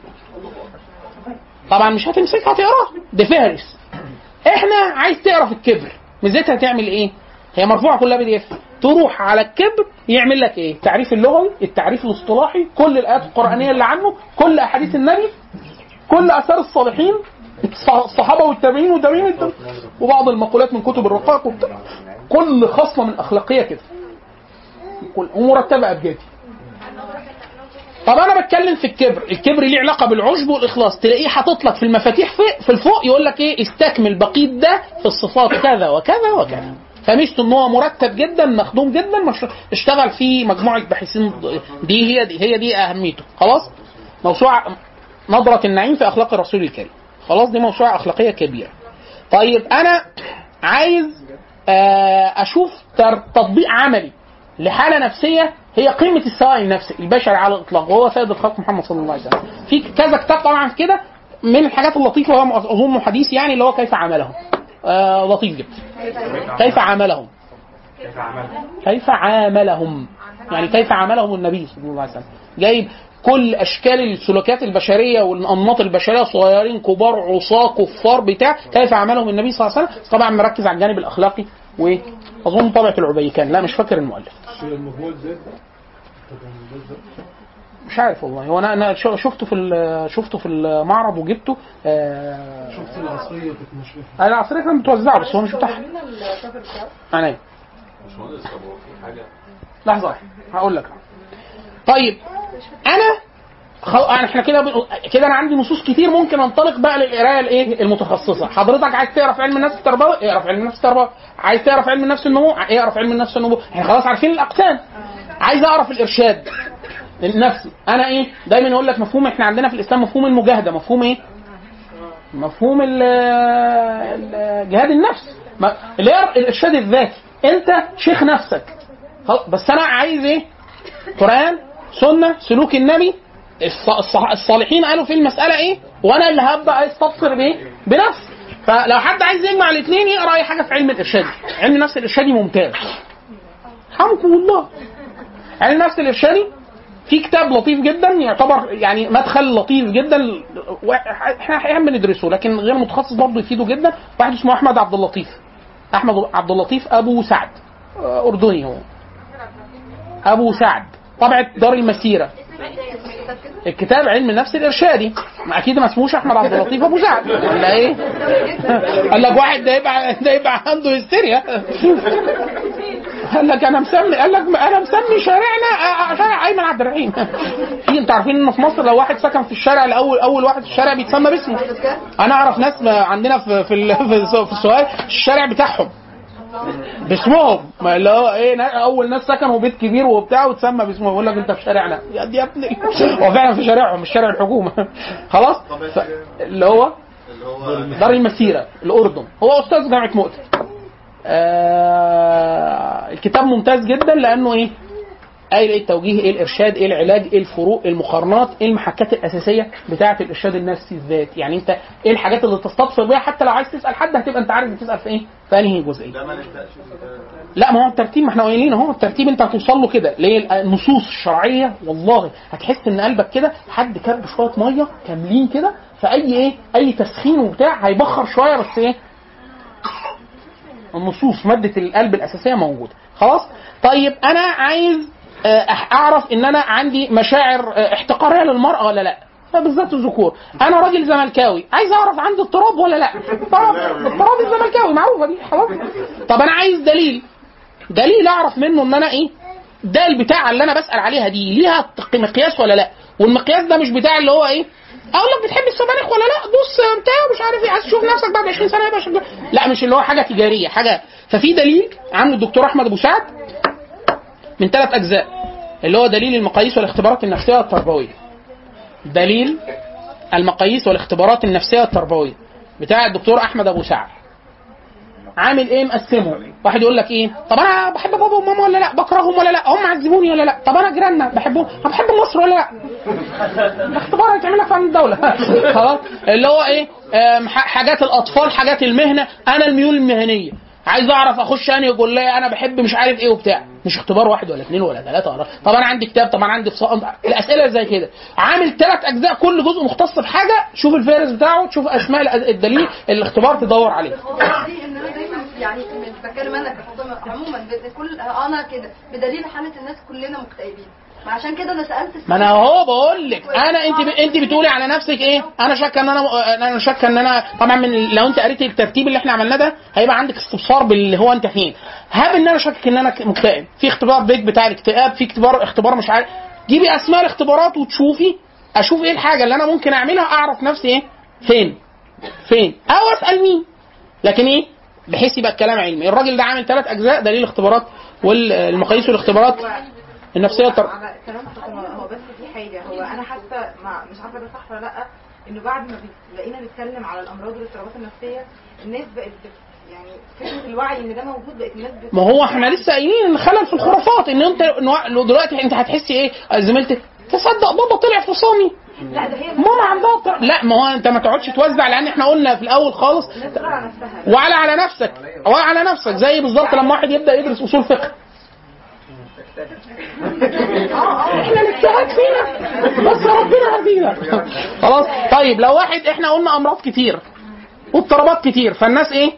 هتقلب على غم خلاص؟ في كتاب اسمه علم النفس الإيجابي للجميع. أيوه بقى ده هو إيه؟ ما تقروش خليكم مكتئبين. علم النفس الإيجابي للجميع. آه آه مع المؤلف كان عايز يعمل كده. عايز يقول لك إيه؟ أنا هلخص لك كل الكلام اللي بيقوله علم النفس الإيجابي وهحطه لك بصورة عملية غير متخصصة بحيث أنت إيه؟ بدل ما تركز على جانب عدم السواء اللي فيك والاضطرابات والطين اللي أنت فيه ده تشوف إيه؟ بكره في أمل. على الطلاق في أمل. لا في أمل. حبيبي فهو عامل كتاب كده. دكتور دكتور اسمه مرعي آه، مرعي سلامة يونس مكتبة الأنجلو. اسمه علم النفس الإيجابي للجميع. اسم الكتاب كده علم النفس الإيجابي للجميع مقدمة مفاهيم وتطبيقات في العمر المدرسي. يعني إيه؟ وكمان عامل تطبيقات على الأطفال يعني على الأطفال المدارس دكتور مرعي سلامة يونس. على حسب حضرتك عايزة إيه؟ طيب أنا عايز برضو مظنة وجود مقاييس. لأن دايما مش عشان تطبقه أنت على زمايلك وعلى عيالك على العيال اللي جنبك وبتاع لا عشان تعرف إن في مقاييس يعني إيه مقياس مقنن يعني إيه مقياس مختبر مقنن وصادق عند الجماعة المتخصصين في كتاب اسمه المقاييس النفسية المقننة. المقاييس النفسية المقننة. بتاع الدكتور حسن مصطفى عبد المعطي. المقاييس النفسية المقننة. حسن مصطفى عبد المعطي مكتبة زهراء الشرق.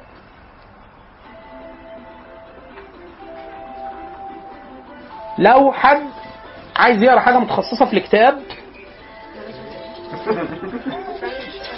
في الكتاب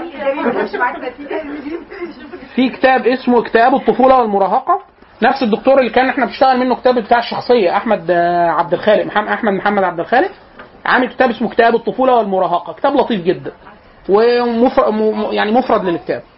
هو بيتكلم عن الجزء بتاع المراهقة ده بيتكلم عن اكتئاب المراهقة؟ اكتئاب الطفولة والمراهقة الطفولة والمراهقة. آه. اكتئاب الطفولة والمراهقة بتاع الدكتور أحمد محمد عبد الخالق. طبعه الأنجلو. حد عايز يقرأ كتاب مفرد في ال في ال في, ال في الاكتئاب بس موسع في النظرية أكتر منه في التطبيق آه اسمه الاكتئاب كتاب اسمه الاكتئاب. عالم معرفة الكويت. واللي إحنا بنأكد على الاكتئاب عشان الاكتئاب فعلا هو آه، الموت الأسود. يعني أكثر شيء انتشارا في الأمراض النفسية والاضطرابات وبيبقى مصاحب في الاعتلال المشترك بيبقى اكت- اكتئاب. يعني واحد تلاقيه معاه اضطراب واحد واثنين وثلاثة ومعاهم إيه؟ حضرتك تحب تاخد combo؟ معاه بطاطس وبيبسي واكتئاب إيه؟ يعني هو نفسه ما يصبش باكتئاب يعني لا هيزود استبصارك. لا بالعكس هيزود استبصارك. آه آه. طيب آخر حاجة نختم بيها. لو أنا عايز آه أبقى عارف المحكات برضو مش عشان تتقمص شخصية الدكتور المحكات اللي في الدليل التشخيصي بس مقتطعه من الدليل التشخيصي في الاضطرابات النفسية للأطفال وللكبار في واحد اسمه تشخيص الأمراض النفسية للراشدين مستمد من دي اس ام دي اس ام 4 ودي اس ام 5 تشخيص الأمراض النفسية للراشدين. ده موجود في الانجلو. ميزته إن هو إيه؟ جايب المحكات بتاعه التشخيص من الدليل التشخيصي حاططها لوحدها. في الكتاب. فالكتاب صغير جدا. طبعا دليل تشخيصي حاجة بالغة كده. 600 صفحة ولا 700 صفحة. هو إيه؟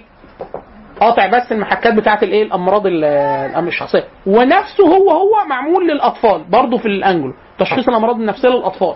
ميزته يقول لك أتحول لمعالج. لا مش عشان حضرتك تتحول لمعالج. عشان أنت تبص بس المحكات الأساسية. لو جربتها حسيت إن الموضوع سواء في الطفل أو في معظم الحاجات اللي بيختبر بيها إيه؟ بتحوم حواليها كده أنت تروح تلجأ لإيه؟ يعني الأولانية. بالظبط بالظبط. خلاص كده؟ الخرافات الكتاب بتاع 50 أشهر 50 خرافة أنا بأكد. كتاب مهم جدا. وكتاب العلم الزائف طبع هنداوي برضه. الإنسان الحائر بين نفسه والخرافه آه، طبع عالم معرفة الكويت آه، الطفرات الزائفه الطفرات العلمية الزائفة دي كلها عناوين في الخرافات العلمية تكون آه، لكن الكتاب ده الكتاب ده أنا بحبه إيه أشهر 50 خرافة في علم النفس. يعني هو تقريبا هتطلع منه ب 300 خرافه بالصلاه على النبي كده. هيعمل لكم طفرة في التفكير العلمي مطلقا وفي تقبل الخرافات في علم النفس الشعبي. آه، سبحانك اللهم وبحمدك أشهد أن لا إله إلا أنت أستغفرك وأتوب إليك. هو الذي بعث في الأميين رسولا منهم يتلو عليهم آياته ويزكيهم ويعلمهم الكتاب والحكمة وإن كانوا من قبل لفي ضلال مبين.